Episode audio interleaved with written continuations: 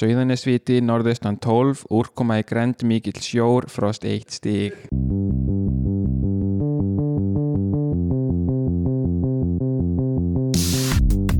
Halló er eitthvað að frétta. Já það er ekkert að frétta. Já það er ekkert að frétta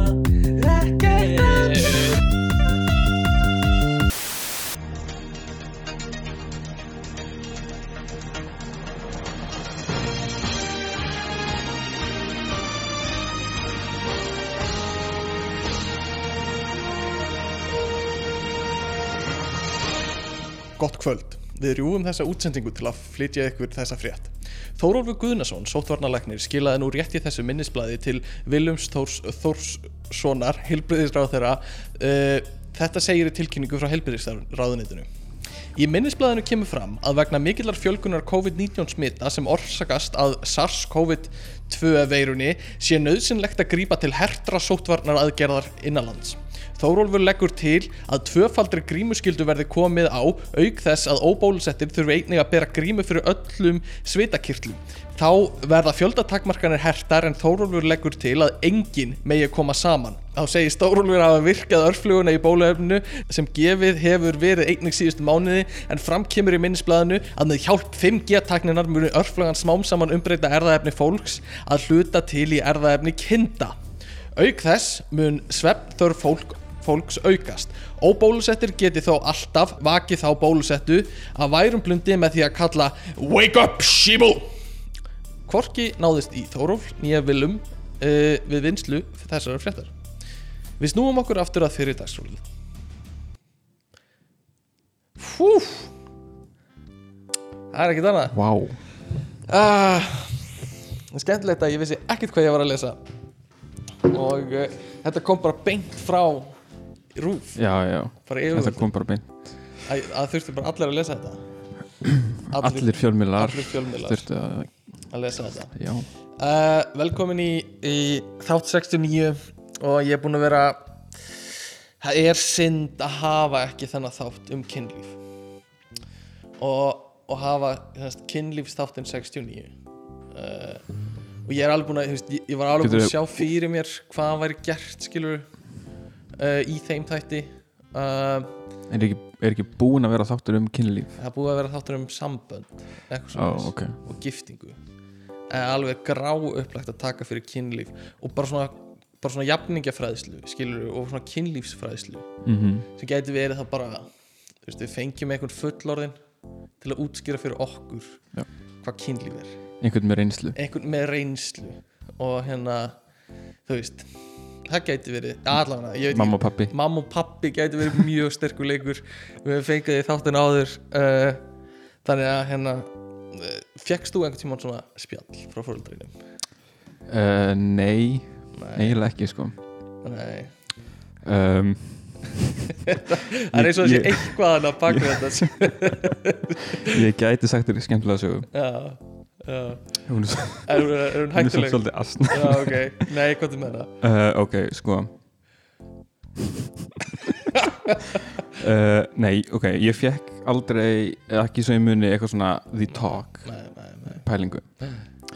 Uh, En sem sagt þegar ég hérna eignaðist fyrst kærustu uh, uh, þá hérna og ég var, mér minnir að ég hafi verið að fara til hennar Mhm. að gista í fyrsta skipti eða eitthvað. Já. Þetta myndir mig á sögu frá mér allan að, ég get sagt hann eftir en já, uh, og hérna mamma uh, svona eitthvað svolítið vandræðileg mm, uh, en það þú veist þú veist, aldrei búin að ræða þetta þannig. Veist, hún, hún lét bara kynfræðsluna í skólanum um þetta. Já, bara Svolítið. interneti líka og eitthvað já, svona. já, já uh, en náttúrulega þa- þarna þegar ég segist alltaf að fara þá er alltaf að þarf að græja þetta. Á núleini þetta er eitthvað sem er já, ymmi og, hérna, að sjálfs að það er að kipa þessi svona hún segir bara við mig. Hún er speedrun á kynfröð hún spyr bara Æ, Hún spyr hvort ég sé með öll tæki og tól ah, já, já, já, já, já. uh, Já. Ávæntalega Ávæntalega við uh, Smokka, smokka. Þetta er, á- þetta er skemmtileg leið til að orða það alveg bara svona klárlega Mamma á það mikið til mm. þegar hún þarf að segja eitthvað svona óþægilegt Mm. að þá orðar hún það alltaf á eitthvað svona skrítin bara undir rós Já, hún, vill heil, ekki segja nákvæmlega það svona við þannig að hún segir það bara svona bara undir heilu blómabið sko. já, nánast sko. Mm. ok, já, þetta er mjög fyndið. Ég man, ég veit ekki hvernig við fórum að tala að allan skiptir ekki máli. Ég man að þegar ég gisti fyrst hjá stelpu það var í fyrsta bekk í metaskóla um, og hérna og þetta var svona þetta var svona hérna eitthvað svona hvernig er ég að gista eh, hérna eitthvað svona hvernig er það í lagi? Og ég ég held að við höfum ákveða að gista hjá henni einhvern tímann og ég, ég var að segja mömmu ég held ég hef bara hringt í hana og eitthvað svona ég hérna, kem ekki heim í kvöld eitthvað svona, eh, þú veist að mér ég er hér og hérna hún baði um að fá að tala við mömmu hennar í síman þannig að þetta var svona eins og þegar þú fóst að leika með vinniðinum Aha. eða gista með vinniðinum skilur Mhm. þegar þú varst lítill Mhm. að, að þú veist, ég held ég væri orðin svona semfullarinn í mentaskóla og kom með kærist og eitthvað. En svo var bara mamma mín að tala um mömmu hennar í síman um hvort ég mætti gista. En þú varst náttúrulega ekki orðin 18 ára. Nei, nei, nei, ég var ég var ekki orðin 18 ára. Ég var ekki, þú veist, orðin fullorðin ég veit það núna en á þeim tíma var ég bara svona oh mamma, hvað þarftu að gera þetta? Mamma, oh, ég er orðin fullorðin en hérna, það var bara mjög skemmtilegt. Það var mjög fyndið. Mm. uh, en allavega kynfræðsla uh, ekkert að frétta að færa að býða uh, við erum sponsaðir í dag og sponsor þáttarins í dag er uh, liturinn gulur. Ok. Og við viljum þakka innilega fyrir það og hérna við bara kunnum að meta stöðningin frá gulum. Gulur ertu með tóman vegg hvernig væri gulur? Er hérna taklína þeirra. Ok. Og rauðvin dagsins í dag er vatn. Mm þannig að þetta er svona frekar rólegu þáttur í dag um, akút málefni sem brennur á okkur sem eru fjölmiðlar og við ætlum að ræða það. En hérna mannst í grunnskóla þegar kom slagur í grunnskóla og allur skólinn kom og horfði á slaginn það er bara svona, það er svona kvissaðast einhvern veginn út um allan skóla það er slagur, það í matsölinni og í minningunni þá er bara eins og bara svona eitthvað svona skrúðganga eða eitthvað bara svona mannmerð á fólki í kringum mannst eftir þessu Rámar eitthvað í þetta Ég man samt ekkert eftir einhverjum ákveðnum slag Nei, sko. ég maður eftir nokkrum góðum sko. og hérna uh, það koma allir og bara þyrptust eins og þetta væri bara einhver svona eðlis ávísun hjá fólki að mynda svona þvögu í kringum slag Mhm. og við erum bara, já, ok, slagur í gangi og bara allir koma hlaupandi ég veit, mér, mér datt þetta bara í hug áðan hvað þetta er skrítin menning og veist eins og þetta myndi gerast í HR núna að bara það slagur nýr í matsil og allir bara kennar og allir nefnir fara og hróast í kring En er þetta, veist, ok Þið finnst það fárulegt út af því að það væri fárulegt að það væri slagur í HR Já, En þú veist, ég held að það sé samt alveg Það er örgulega eitthvað svona eðlis ávísunar dæmi að bara þú sér fólk slást Já. af einhvern veginn fylgjast með því. Já, kom að horfa. Þú veist, ef þú ef þú, ef þú ert nýr í bæ og þú sér f- fólk slást Mm. þú stoppar til að horfa. Er það ekki? Jú, já, jú, jú, þú myndir gera það. Eða eða í dag myndir þú taka myndband og senda á alla sem þekkir. Sjá, ég sjá henni í bæ. Um, En þetta er þetta er, Það er rauninni, það er rauninni nákvæmlega saman bara þú veist að nýta tæknina til þess að ennþá fleiri já, fá að sjá þig. Já, fá að sjá slæði þetta, er- þetta er nútíma leiðin. Uh, Þetta er það var í, í einhverju skó, grunnskóla þegar kom bara, það er fólk að koma með vopn núna og eitthvað svona. Já, ég man eftir svona nokkrum sögum þar sem voru eldri gaurur að koma að berja einhvern sem var í einhvern Já, nýjönda já. bekka eitthvað koma svona sérstakka ferð til Já, að lemja einhvern já, kom úr kóbóin það er einhver gaurur kóbóin í andrinu og er að leita á andra, hver er andri?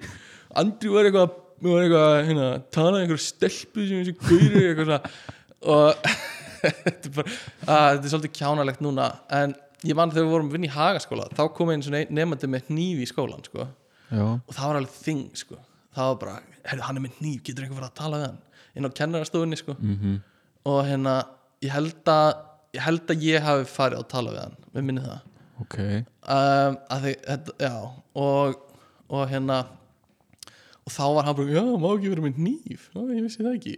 Og það er bara svona að sína nýfið sinna þá var allt brjálað í skólanum sko. um, að ég veit ekki, mér datt þetta bara í hug.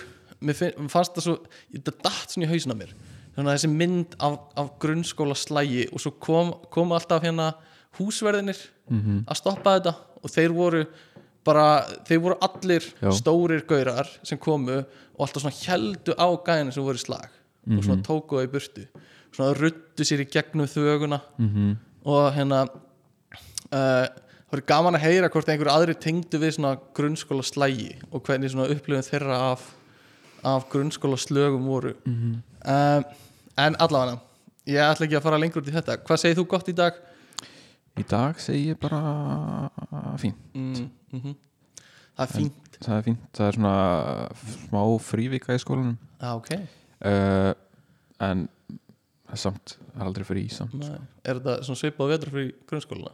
uh, þetta er eitthvað sem heitir sérverkefnavika sem er Mm. basically svona getur lítið að sem þemaviku þetta er svona svo þemavika í grunnskóla. Já. nema, þú veist, ég var ekki settur neitt hóp, Já. þannig að ég er svona eiginlega bara í fríi. Mm, en einmitt. nýtu tíum bara í eitthvað annað sko. Já, eins og þetta. Ég fór líka í bíó í vikunni og var- ég fór á Spiderman. Ég fór á Spiderman. Núna, Já, núna, ég er búin að vera að halda mig vel frá öllum spillum. Það er erfitt Já, í svona langan tíma. Já, já. ég er búin að ég líka, eh, ég er búin að vera mjög virk aktífur í að forðast allt svona, svona sp- spilli efni og uh, það var, ah, það var svona lítill strákur í rauðinni fyrir aftan okkur sem var svona, svona dúllu strákur sem er kannski átt ára. Að var að horfa á Spiderman myndina og var endalist að tala fyrir aftan okkur. Og það er svona mjög svona eh, emotional atrið í myndinni. Og hann var bara eitthvað svona ég vissi, ég vissi að þetta myndi gerast. Og eitthvað svona, oi, eitthvað ég vissi, eitthvað svona. Og uh, hver, hérna uh, sem var mjög svona uh, ég blendna tilfinningar af því að hann var alveg svona kjút strákur sko, mm, eitthvað svona lítill strákur en hann var líka gjörsamlega eðilegja þessa bíóupplifin fyrir mér sko. Mm uh, þannig að ég eiginlega uh, gaf honum ílt auga sko. Er það ofhart að mér eða? var hann beintur aftur þig? Ég gaf foreldrunum hans ílt auga. Og breytti það einhverju? Nei. Uh, ég sé svolítið eftir í ég er svona, er að meta hvort ég sé vond, vondu maður sko. En þú veist heldur að fóldrarnar hafi meðtekið skilabóðin nei, alls ekki sko. Ég, þetta var mjög svona sött og ílt auga. Ég er svona, ég er svona valla horfða á þau sko. Ok. en hérna já, allavega. Uh, og já, já, en góð mynd og skemmtilegt að sjá hana loksins mm. eftir, eftir margra ára byð uh, en hérna já, fyrsta bíóferði minn líka í langa tíma hvað hva er að, gerðu þú eitthvað sérstakt?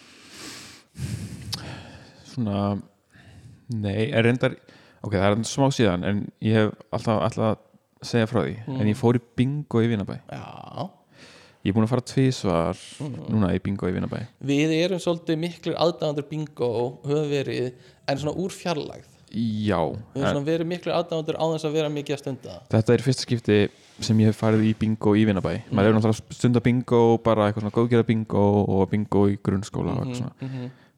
um, en bingo í Vinabæ er mjög áhugaverð lífsreynsla Já, því að, þú veist ok, segð mér hvað þú ímyndaðir að sé skemmtilegt við bingo veist, Mm. hvaða partar af bingoi eru Mm. skemmt, gerir bingo skemmtilegt gerir bingo skemmtilegt það er náttúrulega að segja bingo er ógeðslega gaman held ímyndaði mér.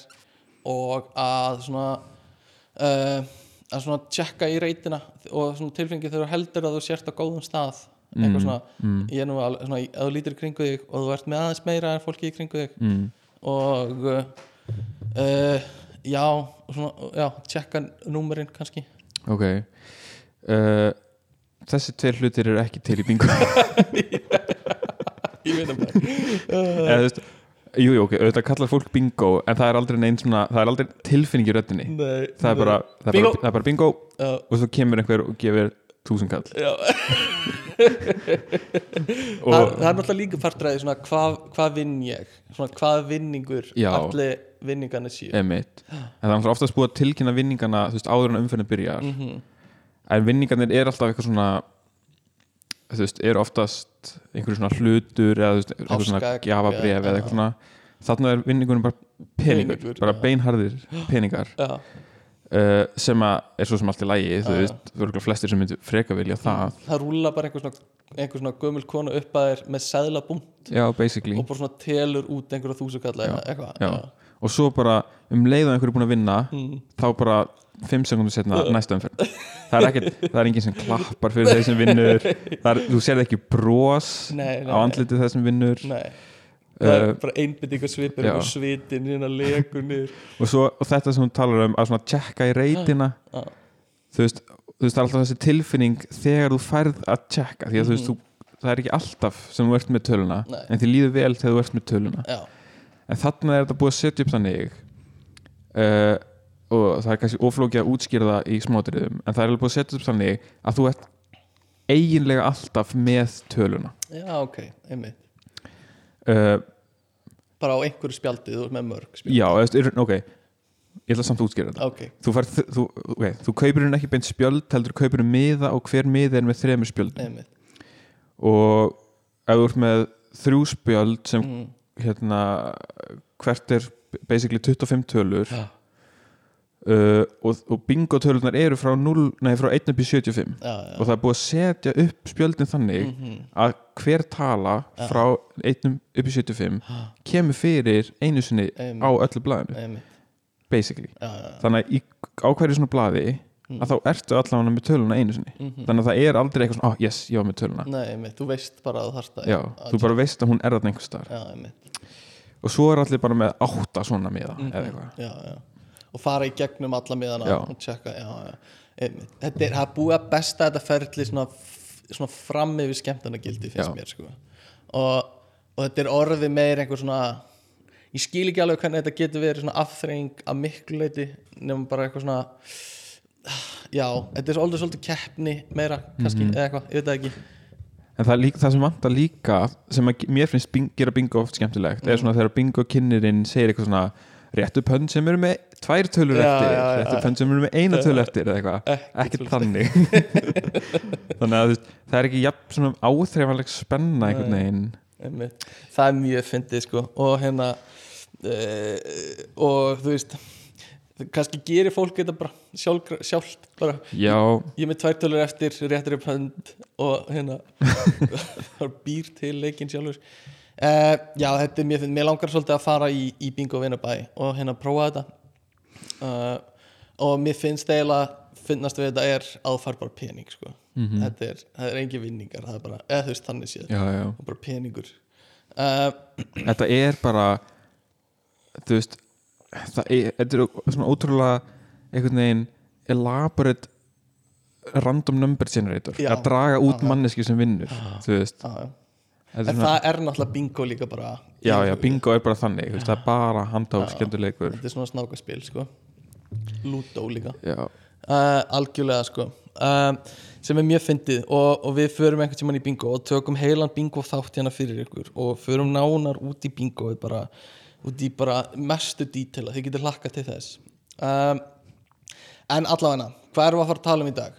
Viltu, ef við ekki bara byrja því? Við erum með náttúrulega svolítið svona, svona harðan þátt í dag. Já, þannig að ég held að sé uh, ekki seinna væna en að, en að fara í það. Fjölmiðlar, hvað er rugglega það? Mm, erum við fjölmiðl um, við erum náttúrulega á mörgum miðlum ef það er út í það er farið. Er það skilgreiningin á fjölmiðli? Með svona orðið er þannig. En þú veist, ég hef, heyrt eitthvað svona bæði, ok, er fjölmiðl það að þú sért veist, að miðla til fjöldans. Mm, er já. það fjölmiðl já, eða er fjölmiðl, þú veist það að þú sért, mm, þú veist eins og segjum, veist bara morgunblaðið mhm, áður en að það var, á netinu og var með sjónarstætti og eitthvað svona. Mhm, veist, þegar það var bara blað já, Nei, nei, það nei. var samt alveg Já, fjölmið Nei, það er alveg rétt þér þetta er ekki svona orðið, sko.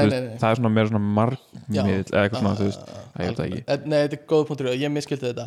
Þetta er náttúrulega miðla til fjöldans sem við erum að gera. Við erum með fimm manns Já. sem við erum að miðla til það er ákveðin fjöldi. Og það er alveg það er fleiri en fjórir þannig að hérna, við erum að miðla til svona fjöldans. Og uh, hva, hvað við erum að miðla ekki kannski fréttir en við erum að miðla upplýsingum mm. og fólk færi yfirleitt svona ferskustu og svona sínar bestu upplýsingar hérðan já, áreðanlega stundum svona áræðilegustu upplýsingarnar sem er búið að vetta vel sko, og fara svona í, í sauman á. Fakt checka allt. Já, ég myndi nú alveg að segja það. Og hérna uh, en sko, hvar byr, byrja fjölmiðlanir og það er svona það er spurning þið byrja. Og einhverju vilja halda því fram að, að veggjatekningar í hellum hafi verið byrjun á fjölmiðlum.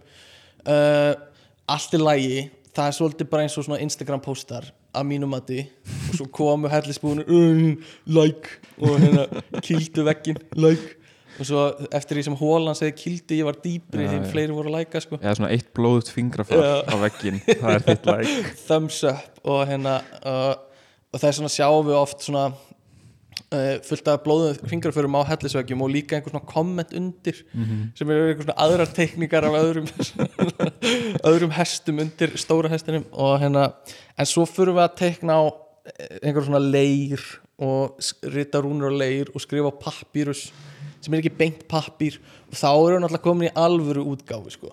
þá erum við farin að skrifa einhverja texta á einhvern pappír sem við getum sko sem við getum uh, lesið með kaffibóllanum mm og þetta var kannski tíðust fyrir Krist það sem fólk er, þú veist.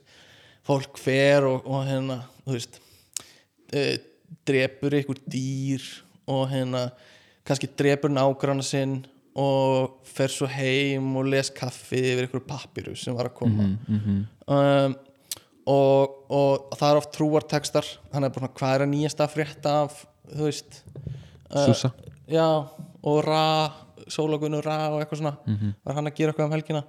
Uh, og svo uh, fyrir við að skrifa bækur og binda bækur og hérna það er svolítið töff eins og Íslendingasögunar meina, það er bara hvað er nýjasta nýtt af Egil Skallagrimsinni mm -hmm. hvað var hann að gera í Víkingum helgina? Akkurat. Og þannig fór þetta bara eins og eldur um sínu um Ísland. Að bara á, þú, á hundra árum voru bara allir búin að frétta hvað Egil var að gera um helgina. Um helgina hann var að drepa mann og annan og það var bara fuck ég þurfum að láta þetta ganga.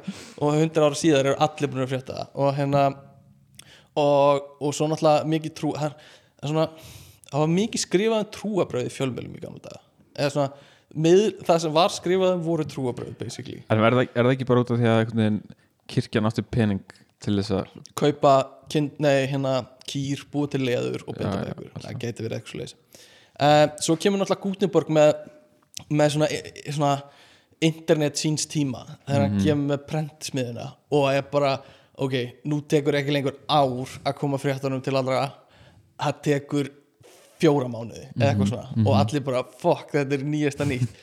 Og þannig að það fara að henda út bákum sem er mjög sniðut og og svo fór að pólitíkusannir að taka þetta til sín og skrifa, þú veist, kommunist ávarpið og eitthvað svona declaration of independence drasl eða eitthvað svona, kannski ekki það en þú veist, stjórnaskráin í Fraklandu og eitthvað er prentuð og hérna, þú veist, bara svona eins og bara svona eins og hérna, stjórnmálbæklingar í dag skilur þetta er bara fram, framsókn og, og hérna, það er allt prenta og fólk er bara wow, þetta er bylting. Við, getum, við getum við getum miðlað hugmyndum okkar í gegnum prent. Uh, gefið að fólk kunna að lesa. Já, gefið að fólk kunna að lesa. En eða að einn gaur í þorpuninu getur lesið fyrir alla. Mm. sem er náttúrulega líka hennar töff sko. Hann er svona frétta þulurinn já, í þorpinu. Já, hann Bogi Lergman já, Þorpsins. Bogi- Bogi Lergman Þorps- Þorpsins. Og allir koma að setjast í kringum hann og hann, góða kvöldið. Í fréttum er þetta helst. Og svo lesa hann upp bara eitthvað. Og svo kemur rít síminn sem er svona bíp, bíp, bíp, bíp, bíp, bíp, bíp, eitthvað. Og þá erum við náttúrulega komið með ljósfræðu upplýsingar út um allt sem er svolítið, svolítið töff en það er svona, svona bara ákveðið, ákveðið fólk sem kann að skilja það þetta bíp fólk og það er kallað bíp fólkið -hmm. og, hérna, og hefur alltaf verið kallað bíp fólkið og, og hérna er ennþá gert í dag sko. og þetta er á gröfum hann var faðir ásker faðir okkar það var svona leggsteinum Mhm. faðir okkar, sonur og bíbíb maður mm.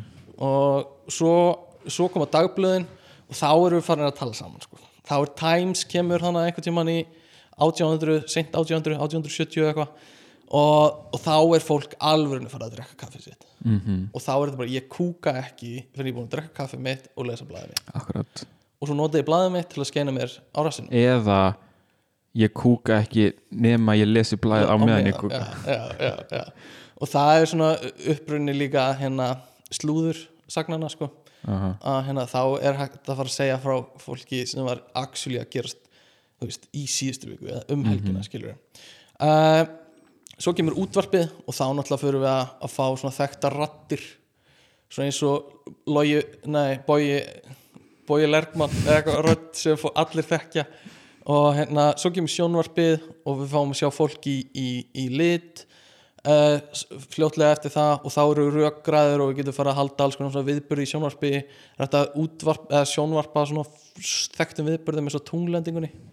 Það er bara eitthvað svona uh, allir í heiminum að horfa á tunglendinguna og bara allir like, like, like á það. Og svo kemur internetið baby og við lifum svolítið þar og núna. Og uh, ég, einhverju myndi vilja halda að þetta verði svona versti uh, frétta miðilstímin núna sérstaklega síðustu ár þegar svona peningarnir eru farnir í klikkin sko. Mm. og hvað hva generata klikk meira en annað. Mm og við förum betur út í það eftir. En allan, þetta er svona saga fjölmiðluna í, í, í nótskur uh, uh, sammála þessu? Samanlega þessu.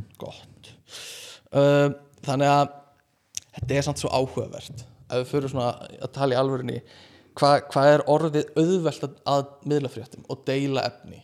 Og hérna þú veist hver sem er getur skrifa blogg. Ég meina Björn Bjarnason er með eitt fucking virkasta blogg sem ég hef séð. Hann er bara einhvern veginn einn frétta með já og það er svo ógæðslega auðvelt fyrir hann að skrifa skoðanir sínar já. og einhvert fólk mögulega lest það, ég þekki ekki að lest tölunar hans en þú veist það er bara svo, bara hver sem er getur haldið út í síðu og hérna pælið sem því að vera manneskjan sem að þú veist eða gætir ímyndaðir að Mm. þú veist vakna á mótnana og bara svona hvað ætli Björn Bjarnason hafi skrifað núna? Eða svona þú veist, á öllu sem gætir skoðað. Mm, þú veist hvað er í forgangsröðinni er björn? er Björn? Eða bara, bara bloggarar yfir höfu Já, eða svona mm, einmitt, sko já, þetta er góð spurning. Ég horfi á mest af efninu mínu já, eh, fyrir utan það sem ég les í fréttum bara svona fréttir, þá er ég ekki mikið að, svona, að lesa afþreyinguna eins og blogg uh, en hérna í- þetta er mjög bara fyndin pæling hvort þetta sé bara svona partur á daglegu að því Björn er daglega basically að blogga. Já. Og hérna Ég, reynd, ég, ég myndi alveg skilja það kannski betur sem er kannski óregrætt á einhver leiti mm, ef hann væri með YouTube-brás þar sem rauninni myndi bara lesa pislana sína. Já, já, já. Einmitt, þú veist daglega. Og ef maður væri subscriber Mhm, að hans rás að þá myndi maður bara fá það. Einmitt, einmitt. en sem er svo nákvæmlega það sama í Já, rauninni þú ert að gefa hann svolítið hættulega hugmynd sko. Þetta er alveg bara spurning hvort við býfum með þetta út sko. ef hann heyrir þetta Já, þá gætu við verið að fara að sjá hann lesa pislana sko. uh, og ég veit ekki hvort að það sé það sem Ísland þarf sko. en þú veist í gamla daga þurftur þá var það vesen, þú þurftur að semja eitthvað dót, þú þurftur að fá það byrt í blaði blaðið þurftur að prenta það blæði þurft að samþykja það líka já, samþykja það, prenta það og svo þurftur að dreifa því í hús Mhm. skilur það var blaðið var standa fyrir því að dreifa sér í hús skilur Mhm. en núna er þetta öðruvísi, núna þú veist sækjum við efnið okkar Mhm. þú veist, þetta er búið snúast svolítið við Mhm. hvernig dýnamíkin er Mhm. þau eru ekki að, þú veist, láta okkur lesa við erum að sækjast eftir því að lesa frá okkur Mhm. einhverju dóti og hérna sem er, þú veist, bara svona uh, smá öðruvísi dýnamík heldur en var og, uh, og líka á netin erum við með sko, veist, ekki beint í fjölmiðla en svona uh, veist, það sem hópur af fólki sapnast saman til að byggja eitthvað stórt efni eins og Wikipedia. Mhm. skilur það er bara, bara heill þú veist, það er kannski svona kannski 30 mann, 30.000 mann sem er að skrifa inn á Wikipedia og ég held að sé svona einn maður sem er reyndur að gera 35% af ef, efninu. Það var, það var einhver fréttaskýring um þetta. Uh, og þetta er líka svona í Íslandi. Það er einn gaur, ég held að hann heiti Berserkur sem bara fucking virkur á íslensku Wikipedia og hann bara, hann stundar þetta að, að skrifa inn Wikipedia en er hann á launum þá? Ég held ekki sko, ég held að þetta sé bara hobby. En þú veist, hversu það er fánulega Mhm. mikil tími sem fyrir það.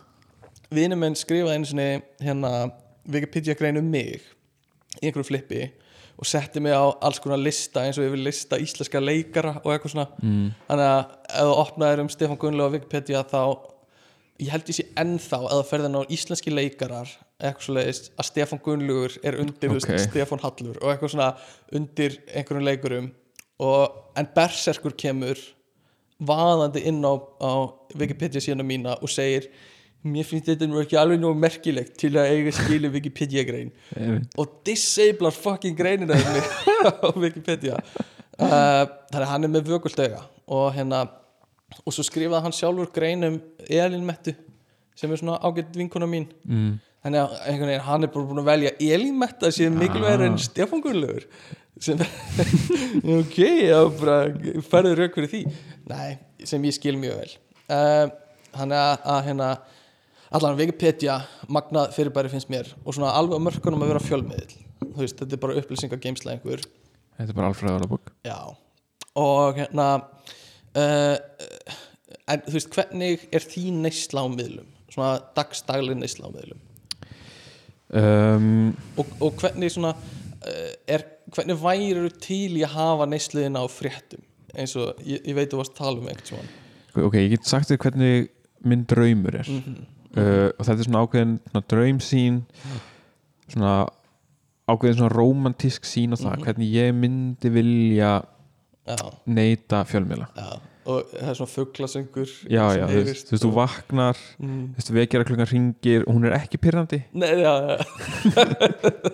Strax orðið eitthvað svona aðeins ekki til í halvörunni þú veist, já, þú vaknar við vekjara klukkan sem er ekki pyrrandi og þú ert bara til í að vakna. Já, búin að fá nóan Já, og þú veist að blaðið býður með, eftir mér í lúinni já.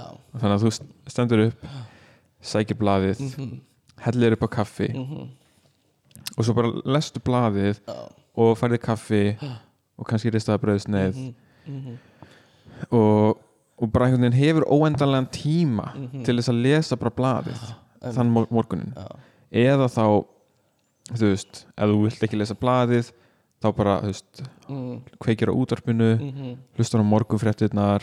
Og það er einhver svona falli rödd eins og, og Bói Ágússon eða eitthvað svona að lesa fyrir þig emitt, Já, og þú bara sötur á kaffinu, mhm, þú veist ekkert stress já, já, já. uh, einmitt. en þú veist, þetta einhvern veginn gengur aldrei upp Nei. uh, ég get ekki látið þetta virka fyrir mig einmitt. því að það endar alltaf því að klukkan er pyrrandi og þú ert ekki búin að sóna og Nei. þannig að þú veist svona þú veist, ok, þó þú hafir tekið frá tíma Mhm. til þess að ok, á morgun ætla ég bara að taka frá tíma eða góða morgun en þá endar það alltaf á þig þú lítur á klukkuna og svona, að ég þarf að mæta eftir einn og hálfum tíma, ok, Mhm. ég sef bara meira frekar, já, já. Frekar en að eiga þessa náðarstund með sjálfur. Já, Já, sko, þetta er samt ekkert ósvipað í og hvernig ég var að gera þetta í, í mentaskóla til dæmis og svona seinni hlutan á grunnskólanum mínum. Þá las ég blaða á hverju mótni uh, uh, smá svona síðleysi í mér að einhverju leiti, að því ég vaknaði oft fyrstur, eða ég og pappi vaknaðum oft fyrstir. Mhm. og hérna, ég tók blaðið upp fór að borða og las það á meðan ég borðaði.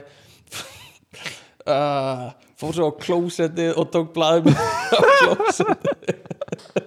Uh, og svo fengu aðrir að lesa Ah, blaðið nice. þegar þau vöknuðu. Næs þannig að það- var búið að kúka með blaðið sko, þegar aðrir vöknuðu. Búið að hrenga En þá var líka mjög gaman alltaf á mánudögum þegar Elko bæklingurum kom. Ah, já, og maður fekk svona aðeins einsýninni teknina sem Elko var með. Einmitt. Og stundum eh, veist, BT bæklingarnir voru líka eldgamla dag alltaf gaman Mhm. að fletta. Ég er endar tengi við það þegar ég var einmitt í mentaskóla þá man ég eftir að hafa lesið blöðin þú veist, ég bjó heima hjá fóldur mínum. Og þá var oft svona svolítið eins og segir keppni hver er fyrstur að ná í blaðið. Já, já, um, einmitt. en, en svo veginn eftir að ég fór að þú veist, búa einn og sérstaklega vegna þess að þú veist, ég fæ ekki einu sinni blaðið núna. Nei, og það er einhvern veginn engin ástæð til þess að fá blaðið. Nei, í raunin ekki. Uh, en nema bara finna pappirinn á meðan þú ert að kúka. Já, skilur það er eina ástæðan til að fá blað einmitt. En svo, náttúrulega- svo eru sumir eins og hérna, þú veist allan eins og ég man eftir því Mm. úr minna esku að þú veist, pappi var veginn með þetta algjörlega nýðun eld. Já, já, já. þú veist, hann veist, hann hann gat borðað og hlusta útarpið og lesið blæði sko, alltaf sama tíma. Og kúka og svo fór hann með blæði á kostið og kúkaði. Já, þú veist, hann bara einhvern veginn búin að besta þetta. Já, já. Hann, á meðan ég er veginn svona þú veist, eitthvað svona, "Ah, hef ég tíma til að borða. Einmitt, einmitt. ég á í mjög svona óheilbröðu sambandi við miðla akkurat núna af því e, þú veist að fyrsta sem ég gerir þegar ég vakna er að opna síma minn opna vísi Mhm. bara upp í rúmi sko.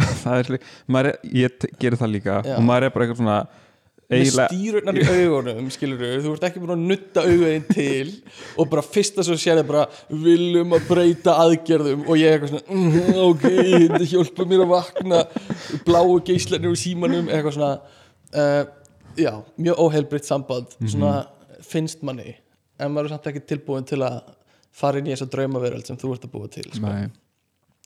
Uh, en, en ég er alls saman að það væri næs að vera með eitthvað svona rútínu sko. uh, það er ljósið á skjánum finnst mér sem er eitthvað svona smá off í þessu í, í, sko ef þú væri með hana draum eins og þú varst að lýsa, að vakna á mónuna fá sér kaffi, lesa blaði, eitthvað svona Mhm. þá þyrfti að vera öðruvísi típa skjám finnst mér mér finnst það ætti að vera svona smarting eins og er á eins og er á já. skilur þú svona, ert að tala um að lesa blaðið af spjaldtölu eða já, eitthvað svo leið Já. það er svona meira morgunvænt finnst mér, svona Mhm. tilöksun Mhm. uh, að því núna er bara eins og ég sé að fá einhverja laser surgery aðgerð á augum mín þegar ég vakna sko. Og ég bara, já, fyrsta sem ég geri er að lesa um einhverja rússa deilur og eitthvað og fara hress og kátur inn í daginn það voru þjóðarmorð í Úkrænu í dag og bara, mm, já, þetta er það sem ég þetta er svona orkan sem ég tek með mér inn í daginn uh, þannig að það er svona samband við miðl, mitt um miðla og þetta er líka bara eitthvað sem ég geri alltaf þegar ég hef döðan tíma og jafnvel þegar ég hef ekki döðan tíma bara fyrir hann á vísi, bara svona Já. automatíst þetta er bara svona, er svona komið í vöðvaminnið hjá mér sem er svo vegna þess að það er ekkit merkilegt á Nei, vísi sérstaklega einhvern veginn vísi eða, kannski tölum við eitthvað svona meira um veist, þessa miðla, íslensku miðla en vísi er einhvern veginn einhver hluta vegna Mhm. er hann búin að þú veist, taka fyrsta sæti þó að einhvern veginn Já. það sé ekkit eitthvað eða mér finnst það ekkit Nei, frábær miðl alls ekki sko uh, Það er bara eitthvað svona, þú ert smá vondukall og lest MBL, svona, svona vægt þannig ef að fyrsta síðan sem ferð á er er MBL, MBL já, þá ertu alveg svona smá vondukall sko. það er alveg svona, svona 10% vondukall í þetta uh, en það er alltaf leiðað nummer 2 eða 3 sko. uh, Nei, en uh, já, vísir go to ég er svona reyndi að skipta yfir í rúf þannig að Mhm. rúf er núna svona, svona jafnt á við vísi hjá mér. Mm -hmm. Veist, ég lendi samt oft í því að þú veist, opna tap á tölvunum minn í vinnunni sjá að, að hérna, ég er ekki búin að lesa það er ekki komið nýfrétt sín ég las fyrir tímyndum mm Mhm. exonum aftur opna annan tab strax opna aftur vísi og eitthvað svona, nei ég var að loka þér. Það er eitthvað svona dregur mig eitthvað inn í að lesa fréttir. Uh, og ég græði ekki á því. En hérna uh, þetta er orðið svona dagrættvöl einhver. Uh, þannig að ég veit ekki, ég veit ekki hvort þetta er holdt eða ekki, ég veit ekki hvort maður á að fylgjast svona mikið með fréttum, veit ekki hvort maður á að fylgjast lítið með fréttum ég veit ekki, þú veist það er svona partur að að búa í samfélagi. Mhm. bara svona, we, we live in a society að, geta tekið þátt í þú veist uh, einhverju sem er í gangi. Mhm. uh, mótaði skoðun á einhverju líka bara læra á hverju þú átt ekki að mótaði skoðun. Þú veist, þú ert svolítið að velja og hafna. Mhm. þú, þú getur bara ekki fyrir andlega heilsu hjá þér verið með skoðun á öllu sko. Mhm. um, en allavega en, en líka sko veist, það er náttúrulega mjög heilbreygt mm, en það þýðir ekki að þú þurfur að vera að skoða það á 20 mínútna fresti. Nei, þú veist, þú gætir eh, veist, í þessari draum, draumaveröld já, lesi blaðið á mótnana sem er náttúrulega á þeim tímapunktu kannski einhverju leiti old news. Mm uh, og kannski þú veist kíkir á það í hádeginu kannski Mhm. einu sinni um kvöldið. Mm þú ættir ekkert að þurfa meira en þetta. En einhver hluta vegna er það alltaf svona núna mm, þú veist ef, þú, ef maður finnir jarðskjálta Já. það var svona, ó, strax inn á vísi. vísi. Og strax inn á veður.is af einhverjum ástæðum. Veður.is krassar alltaf bara. Það er líka, þú veist ekki eins og til þess að aðtöga þú veist, Nei. hvað stendur um jarðskjáltan heldur bara aðtöga hvort það sé eitthvað komið Já. um jarðskjáltan já, já. Eitthvað, mér er alveg sama hversu stóran er. Ég vil bara vita hvort að aðrir viti að það er jarðskjálti uh, já, algjörlega. Uh, og þetta er á rúf ég vann einhvern tímann við að eitthvað tengt fréttum á rúf fyrir annað verkefni, þannig að ég að þurfti alltaf að vera að hlusta á alla fréttir á rúf um, og þetta er sama dótið frá því klukkan 6 um morgunin basically þangað til í kvöldfréttunum um kvöldið það er alltaf sami fréttapakkin sem er verið að lesa það er orðurétt basically klukkan 6 klukkan 10, 12 fréttir speillin og svo eitthvað svona, og svo 5 fréttir og 6 Einmitt. fréttir, eða 8, eða 7 fréttir meira segja sko á modnana er þetta eitthvað svona frétta yfirleitt 6.30, fréttir 7 frétta yfirleitt Já. 7.30, fréttir 8 Já. frétta yfirleitt 8.30 Einmitt. þú veist, Einmitt. og, og, og ef þú ferð á rú.is þá getur þú lesið handriti sem er verið að lesa upp. Þetta er bara sama fréttin sem er á rú.is uh, allavega hvað, hvaða þú veist hvernig vitum við að fréttin sem við erum að lesa er líka bara rétt er bara partur af þessu? Uh, bara svona les skilningur á, á fréttir. Svona li, media literacy held ég að þetta heiti á ennsku það sem er bara þú veist uh, það hefur verið að tala um líka hefur mikið verið að tala um núna svona fake news og ekki, Trump er ekki eini sem er að tala um þetta en hann notar þetta rosa mikið sem einhvers konar svona afsökun eða eitthvað svona fyrir því sem hann er að gera. Þetta er bara fake news. Uh, en allavega, fake news er alveg eitthvað sem, sem er stórt og þá er það oft til dæmis á Twitter eða einhverjum svona samfélagsmiðlum það sem fyrirsögnum er postað Mhm. og fólk dýfir sér ekkert onni í fréttina Nei. eða eitthvað svo leiðis og hvað þá að skoða sko, heimildir fréttarinnar og eitthvað svo leiðis þannig að, að hvernig vitum við bara fréttina sem við erum að lesa eru sannar? Þú veist ef að bói Ágússon segir hana Já, þá er hún sann og ég líka, ég, ég hugga með það sko, Bogi les yfir allar fréttir áður en hann Já. les þær í sjónarpinu þannig að, þannig að ef hann myndi spotta eitthvað ránt þá var hún tekin út sko. þannig að ég fer alveg í krísu þegar einhver annar les fréttinar á rúf en hérna það eru nokkuð svona tipp fyrir hvað þú getur gert til að til að passa svona media literacy þitt. Mhm. þú veist svona að passa upp á hvað, hvað er rétt og hvað er ránt og þetta, að þetta er alveg vandamál þú veist og við höfum sérstaklega tekið eftir í kringum bólusetningarna núna nýlega bara allir að posta einhverjum fréttum af einhverjum miðlum og, og fyrirsögnin passar við það sem þau eru að reyna að segja og eitthvað svona. Uh, og bara bæði próvaksín og antivaksín er að gera þetta. Þú veist, já, já. þú getur alltaf fundið frétt sem passa við nákvæmlega það sem þú vilt að, halda fram basically. En fyrsta er bara þú veist læraðu að þekkja hvað er fake news með því að klikka á fréttina Já. og lesa hvað hún kemur. Uh, svo getur þú reynd að finna sko, að þú reynd að kynna þér eitthvað, e- eitthvað efni að lesa frá nokkrum miðlum sem er þú veist frá nokkrum veist, áttum. Mhm. er, er BBC að skrifa um þetta? Er, er hérna AP fréttastöður að skrifa um þetta er. Mhm. vísir að skrifa um þetta eitthvað svona. Og er þau öll að skrifa um sama hlut? Er þetta sama sem þau eru að halda fram? Og hvaðan koma heimildinar og hérna svo getur maður oft bara séða á hvernig fréttin er skrifið þú veist, er, er skoðanir í þessu? Er, er að skrifa þetta eins og þetta sé?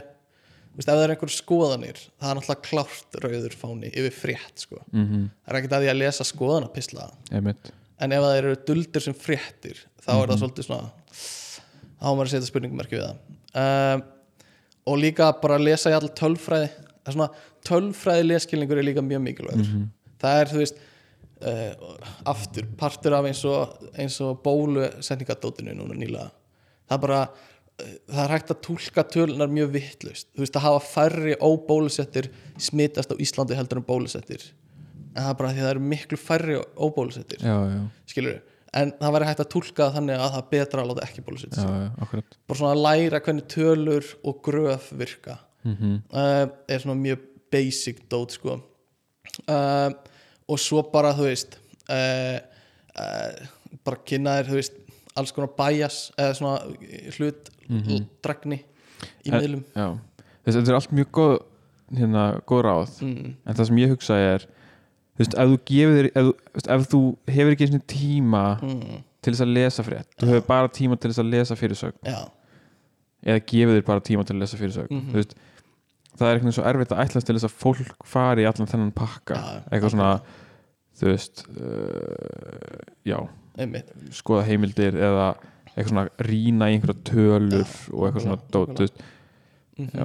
eitt sem böggar mig svolítið er þú veist, eins og íslenski fréttamillar uh, þorrin af erlendu fréttunum frá íslensku fréttamillanum er frétt unnin upp úr einhverju annari frétt. Mhm, og jafnvel innanlandsfréttir líka. Er þú veist, byrjar á eitthvað svona vísisfrétt sem er uh, Rúf var að greina frá því áðan Já, að einmitt. þetta væri að gerast eða að það voru tíu mann slasaður eftir bílaárukstur, eitthvað svona mhm, sem, sem býr til svona, svona ákveði svona uh, degree of separation frá staðrindunum eða bara svona býr til svona uh, bil á milli þín sem er að skrifa fréttarinnar og það sem var að gerast í alvörunni. Mhm, og þú veist, það er hægt að fela sér svolítið baku það.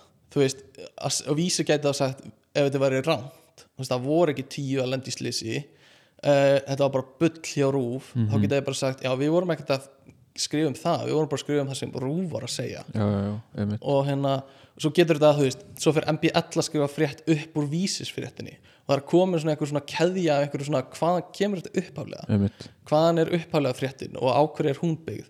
Þannig að það verður oft getur verið erfitt svona að lesa í fréttir og fá þú veist, rétta þú veist, heimild og, og rétta upprunan sko. mhm, og þú veist ég held að sé það er eitthvað, það er eitthvað svona sagt eitthvað svona, þú ert þegar þú ert að lesa fréttir þá ert ekki að lesa staðrindinnar þú ert að lesa hérna það sem einhver var að skrifa um staðrindinnar mm -hmm. þú, ert, þú, ert, þú ert ekki að upplifa staðrindir í einhverju máli þó þú sést að lesa frétt. Nei, þú ert bara að lesa það sem einhver skrifaði um eitthvað annað. Einmitt. Þannig að það verður aldrei 100% nei, nei, þannig að gott að hafa það í huga sko.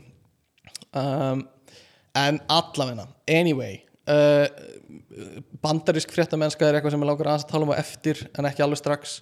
Uh, mér langar svolítið að tala um eins og íslenska fréttamila mhm, eins og við höfum verið að gera.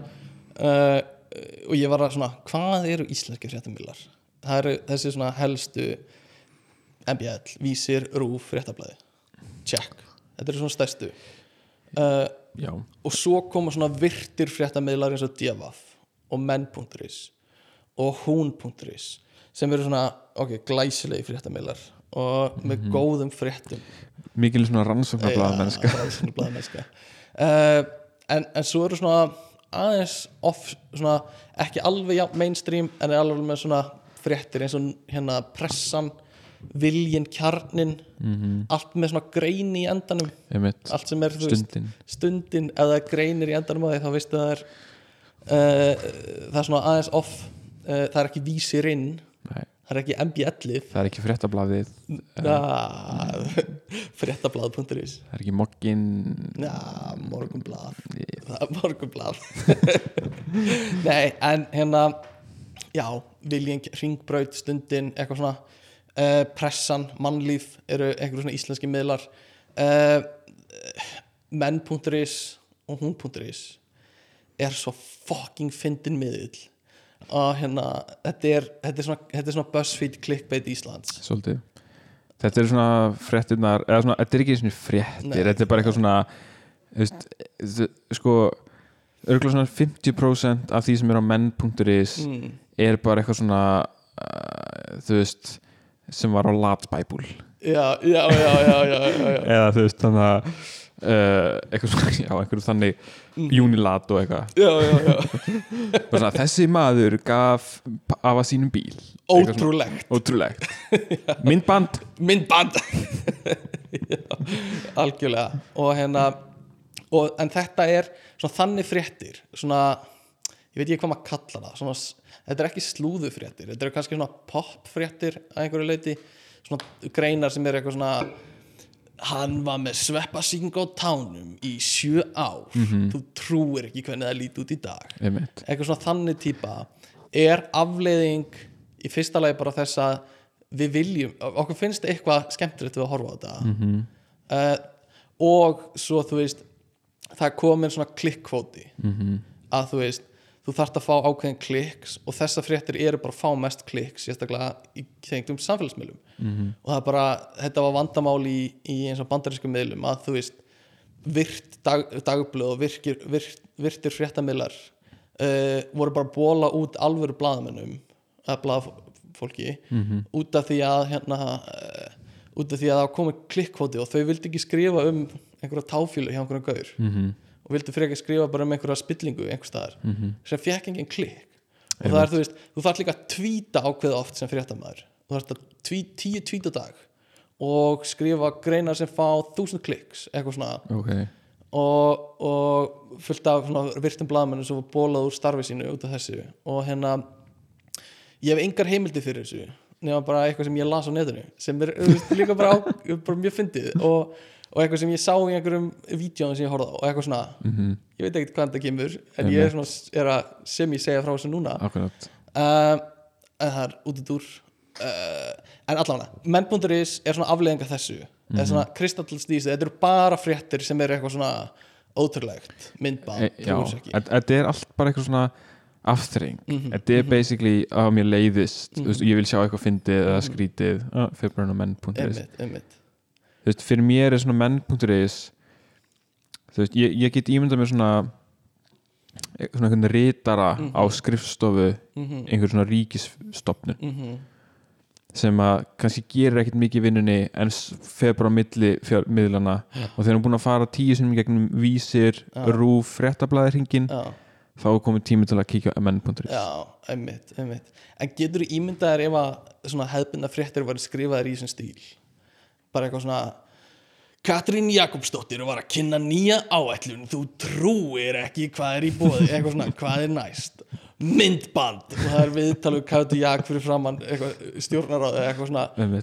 Uh, kannski fleiri klikk, veit það ekki. Það gæti verið framtíðin að venjulega fréttir fari í svona clickbait headlines. Já, og uh, það er alveg smá kannski ekki endilega fyrirsagnar en ef þú ferð til dæmis inn á Facebook mm, uh, og, veist, og fréttamiðlin á, veist, á Facebook síðu fréttamiðlsins er hann að posta fréttinni þá skrifar hann ofta einhvern svona, svona texta mm að hann er oft svolítið klikkbeit já, í sko. já, já, einmitt, einmitt, einmitt. Þau áttu, já, ég man ég, ég var í þessu sem bandarískur umfjöldin sem ég var að horfa á þá, þú veist var það þannig að þegar þú postaður á samfélagsmiðla þá átti þú líka sem fréttamaður að vera fyrstur til að kommenta á postin sem þú postaður mm, sem svona einhver tækni sem þeir eru að nota líka. Ok, uh, allavega en fyrirsagnir í fréttum eru líka mjög finnar að þeir taka út þau taka út sko uh, hvað er það, nafnháttaliðin eða eitthvað svona, þú veist það er ekki oft, eða það er, það er ekki kannski hérna uh, Katrín Jakobsdóttir ætlar að uh, að stytta einogrun eða eitthvað svona, það er meira bara ætlar að stytta einogrun og búið að taka út skilur hver er að gera Einmitt, svo bara mynda henni og þá já, veistu já, já, einmitt. Þannig að það er, það er alveg bara svona þetta er bara það sem ég gera. Þau læra þetta þetta er það sem er sett fyrir hvernig á að gera það sko. um, en hérna eigum við að fara í kannski eitthvað sem, hérna, og sem þú varst með? Skoðaður eins og svona parodíblaðmenn eða, Já, hérna uh, svona parodiblaðmennsku eins og The Onion sem er svona frægasti þannig miðlinn já, uh, allan að svona uh, já, ég myndi segja hann sé frægastur. Hann er náttúrulega, hann byrjaði sem hérna sem blað, eh, held ég uppálega sem bara gefið út mánaðlega eða eitthvað svona, einmitt. Var síðan af sem sagt vefmiðli, þau eru ótrúlega góð í þessu á Onion, mjög góð. Það- ógislega gaman og gera mjög raunverulegar feik, eða svona parodífréttir já, það, og hérna svo er það líka með, eða voru tímabili með mjög virka YouTube-rás Já. sem, ég- þú veist, sem að ég hef farið í gegnum svona tíu sinnum já, já, og fréttina þar eru ennþá relevant. Já, einhvern veginn, er bara, þú veist, þó að þessi sko 15 ára gamlar já, man er þetta samt einhvern veginn Já, ég man eftir einhverju úr YouTube-brásinni það var einhver svona uh, fake morgun þáttur sem þeir voru með já, og þeir voru að spila golf í þættinu já, já, já, og golfkennarin var að uh, tala um eitthvað svona hvernig það átti að vera aðal golftöffarinn og, og eitthvað svona sofa hjá konunni hjá, Já, já, já. hjá hérna fréttaþulinum og eitthvað svona bara viðbjóðslega fyndið. Og það sem var fyndnast við þetta var hvað þetta var raunverulegt að því leiti að leikar vel, ógeðslega vel leikið. allt sem leikið, þið gera er sko. ógeðslega vel leikið. Eins og þetta sé alvöru dót sko. Mhm. og uh, hérna ef maður spyr sér svona hver er munurinn á þessu mm. og fake news? Uh, og það er væntalega munur í ásetningi. Mm því að þú veist þessar grínfréttir, þú veist, jú þær eru ofta, ofta eitthvað svona til þess að benda á eitthvað svona sem að er, Þú veist, það- já þær eru meira svona, ekki endilega til þess að láta þig Mhm. þú veist halda að sé, eitthvað sé satt heldur Nei. meira til þess að svona benda á eitthvað sem er skrítið Já. eða svona, algjörlega og á, ádela, Já, ádela ádela og, og hérna já, bara eins og segir, veist þau eru aldrei að halda fram að þetta sé satt eða þú veist að þetta sé það sem fólk á að trú nei, raunin ekki þannig að, já, en svo eru sambarlega miðlar þú veist, við um heim, The Onion er ekkert sá eini hann er kannski þekktastur. Já, ég man eftir einhverjum fréttum frá einhverjum áströlskum eða nýsjálenskum mm Mhm. svipum miðli sem var mjög fyndið líka. En svo eru til einhverjum svona miðlar sem eru sem, sem eru svona ádeilumiðlar án þess að séu endilega bara með einhverja bullfréttir eins og. The Onion sem eru bara, þú veist, Mhm. fréttina þar eru alltaf, getur bara sagt að þessi hauga lígi já en svo eru aðri, aðri miðlar sem eru með svona fréttir sem eru kannski bara meira ádeila án þess að vera mhm, beint uh, bull sko, já, já. sem eru þá kannski meira skoðanafréttir sko. Mhm. Baggalótur var náttúrulega með rosalega parodíu uh, frétta vefsíðu, var, og það var svolítið svona onion, jafnvel súrara en onion sko. mm það var bara eitthvað svona algjörst bull sko. akkurat, en mjög fyndið. Þa, það var meira bara svona til þess að vera bara fyndið. Já, já, já, það, ég man allan ekki eftir að það hafi kannski verið mikið svona ádela já það er svona einhver smá ádela en ekki, þú veist, alls ekki verið að hana Já. en svo að það sem ég fyndi við miðla eins og The Onion er að það kemur einstöku sinnum fyrir mm. að einhverjir halda að það sé satt Mhm. eða, bara, eða svona, þú veist, þeir lesa bara fyrirsögnuna Mm. eða kannski vita bara ekki að The Onion hvers, hvernig miðl það er uh, og það er svona einhver dæmi sko eins og uh, eitt sem ég myndi er að það var fyrirsögn hjá þeim mm. sem að var sem sagt sem var svona study every 10 seconds a skyscraper window washer falls to his death og svo hérna þetta, er, þetta er alveg bara svona þetta er alveg hljómar eins og alveg bara svona ok að eitthvað Einmitt. svona sem maður gæti þú veist maður þarf að hugsa sig um í svona hálfa sekundu en maður fattar að, já. En svo var hérna fórseti Serbíu nei. uh, árið 2018 Aleksandar Vucic eða eitthvað. Já, hann var að tala um eitthvað hérna, eitthvað slið sem varð í hérna í Belgrad Já. þar sem að tveir sem sagt uh, einhverju svona ver verkamenn dóu þegar voru veist, í vinnunni. Mm uh, einhverju svona byggingavinnu. Og hann var eitthvað svona þú veist, að votta hérna, ættinginu samúð og eitthvað svona í einhverju viðtali eða eitthvað. Minn góður. Uh, og svo var eitthvað svona þú veist, var verið að gaggrina ríkið fyrir örgla þú veist, einhver svona öryggismál og eitthvað svona. Mm en hann, var, en hann vildi benda á það. Uh, hérna að hann las æ að í, og hann sagði, vissir þið, vissir þið að í bandaríkinum deyr það er á tíu sekundna fresti. Þú er svona verst, þú veist, þú ert eitthvað svona allt er gett þú ert að votta ættingu sam og svo kemur við eitthvað svona algjört onion frétt Æ, ég guð mig guður. Já, shit, hvað það finnir ég séð alls konar svona hérna, gott by the onion eða eitthvað svona, sem, Já, já. ég held að sé subreddit Bitty onion. Já, bit the onion. Það sem er subreddit af fólki sem er að veist, posta hann eitthvað að sína samfélagsmiðla eða kommenta undir eða eitthvað svona. Einmitt. Svona, ég trúi ekki að þetta sé eitthvað svona, Einmitt. oh my god, er þetta satt? Og eitthvað svona, bit the onion já, það eru er fleiri sem eins og hérna Fred Phelps sem var prestur í hérna Westboro Baptist Church. Mm hann beiti laukinn. Já bit uh, það, var einhver fyrirsögn frá 19, 1998 mm. um eitthvað svona homosexual recruitment drive nearing goals. Já, Ein, eins og að og hann bara eitthvað svona posta, eh, ekki postaði hann fór, var eitthvað að tala um þetta já, sem svona sönnun fyrir því að samkynneitt fólk væri í raunin að reyna þú veist, fá aðra til þess að vera samkynnið og svona rekrúta aðra. Ógæðslega fyndi pæling. Og þetta er það er spurning hvort að Onion sé farin að svona að einhverju leiti fókusa á að fá fólk til að býta í lögin það gæti alveg verið. Eins og núna með samfélagsmiðlum að fá að þeir svona, það er success eða fá eitthvað, einhverju deilingar þar sem Einmitt. fólk trúir því sko. já, já, ég get alveg trúið því. Einmitt.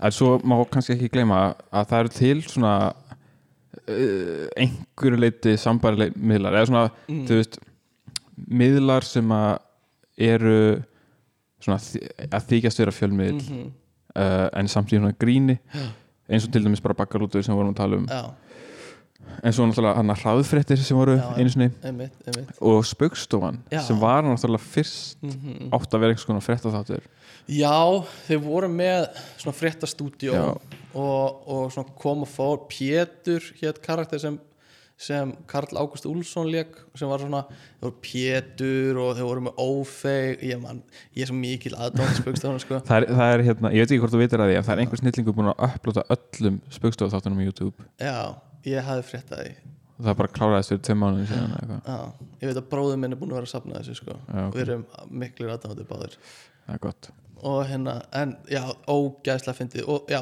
algjörlega, það er svona fréttastofa og gera grínfréttir Mhm. algjörlega. Um, en máli er ef, ef þú ert búinn mm. að þetta er orðið svo auðvelt að, að miðla til fjöldans. Uh, það er orðið svo hægt um vik fyrir fólk að koma skoðunum sínum út. Þetta er ekki lengur að þú þarft að fá leifi hjá einhverju blaði til að byrta pistilega skoðun eða hvað sem er. Mm þú getur, þú veist, í fyrsta lagi bara nota Facebook. Það er bara svona, kannski það sem stendur fólki næst. Fólk skrifa bara heil langar greinar á Facebook. já, já, einmitt, einmitt. Og fær like og, og hérna komment, eitthvað flottur ertu flottur frændi, eitthvað svona það er alltaf í kommentarum og hérna og, og svo þú veist hvaða asni sem er getur búið til podcast líka. Mm. og fara að deila því.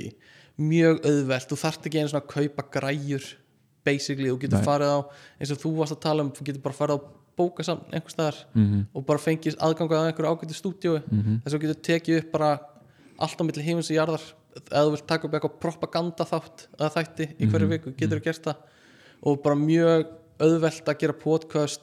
Uh, þú getur búið til svona semi-pro uh, sem lítur út fyrir að vera bara professional uh, fréttasíða. Mjög auðveldlega á, á bara einhverju svona netinu. Mm uh, bara tilbúna síður. Bjarnason er með alveg frekar pró síðu hjá sér sko. Mhm. og hérna hann getur bara hlaðið út eins miklu og hann vill sko. Mér skal hafa eitthvað Bjarnason og stór þáttur að uh, liður í þessu þætti. Ég, hérna, og þetta er ekki fyrsti þáttur en það sem við tölum um hann líka við vorum með heila þáttum Björn Bjarnason. Wow. uh, ég mælum með að hlusta á Björn Bjarnason þáttin það fjallar líka um íslenska spillingu í pólitík. Mm. en allavega þannig að það er orðið skýtlétt að byrta efni uh, og ef þú ert með ákveðna skoðanir þá er líka ekkert mál að fá og, veist, uh, fylgjendur sko, sem lesa þig. Og veist, við erum ekki góður í því. En það er líka að því við erum veist, bara enn eitt hvíta podcastið eitthvað svona, mhm. en ef þú ert með svona hardcore skoðanir og vilt fá áhörundur bara að fara að tala um antivax og þú ert komið með örgulega þúsund eða eitthvað svona Einmitt. fylgjendur. Einmitt um, sem er að tala um hvað þú ert hugrakkur og eitthvað svona. Já, já. og bara að velur toppikið þetta rétt og getur þú bara komist í ágætan stað örgulega sko. Mm þannig að kostir að hafa, hafa svona greitt aðgengi fyrir alla að tjá sig það er bara gott að fá í líðræðislega umræðu -hmm. uh, og taka þátt. Og ef að uh, hérna, Bjarni Ben vill skrifa langan pistil um, til að verja samherja þá það er bara allt í lagi uh, að bara fínt að þessi möguleikja því. Mm en það er samt ákveð hættulegt að allir hafa audience til að heyra allt sem þeir segja. Einmitt. Og kannski vill maður það ekki. En maður vill samt ekki banna fólki að tjá sig. Það er, og hérna grei, ég veit ekki hvert ég er að fara með þetta bara greiður aðgang, aðgengi að því að tjá þig og er hættulegt að heyra skoðinu allra einhvern veginn á svona, já, já, á svona stórum skala. Þannig að það er svona blendna tilfinninga gagvart þessu en ég vil alls ekki að það verði lokað á neitt. Þannig ég veit ekki hver lausnin er að ég vil hafa internetið frjálst. Og þetta á að vera internetið á að vera semst, eign allra og alþjóðlegt alþjóðleg eign. Mm það sem allir geta verið saman. Uh, en hérna en, þú veist, eigum að hver- hvernig eigum að banna einhverjum? Veist, hver, hvað eigum að banna? Og hvaða skoðanir eigum að banna. Og þú veist, ef þú ert með ef þú ert með engar ekki miðl eins og Twitter getur náttúrulega bannað fólk. Mm uh, þá er það bara byggt á gildismati þeir sem eiga Twitter. -hmm. uh, og þau hafa verið að gera það þú veist, upp og ofan ágætlega, ekki vel.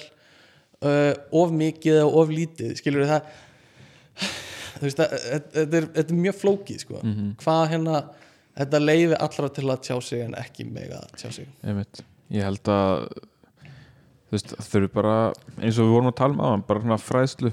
Þú veist, að, ég held einhvern veginn að það sé mm það einu sem getur gert Einmitt. einhvern veginn að bara það væri náttúrulega hvað er áriðanlegt Já, það væri náttúrulega svona besta í stöðin ef allir væri bara vel upplýstur um það sem það væri að lesa og þá þyrfti ekki banna neitt. Þannig að það væri bara basically allt opið þú veist, nema að glæpa starfsemi skilur við, það er náttúrulega ekki lagi. En, en þú veist, bara allar skoðanir opnar, þó þau séu rángar en allir geta bara séð, ok, þetta er þetta er, ég, ég, ég hef mína skoðun og þú veist, sem byggir á vonandi réttu réttum staðrendum, eitthvað svona sem er svona svo flókið. Ah, ég hristi bara hausinn sko. Af því, nú förum við í þetta. Nú förum við í stórumálið þú veist, hvernig vitum við hvernig vitum við bara að eitthvað sé satt? Þú veist, eins og bara Úkrænu deilan núna.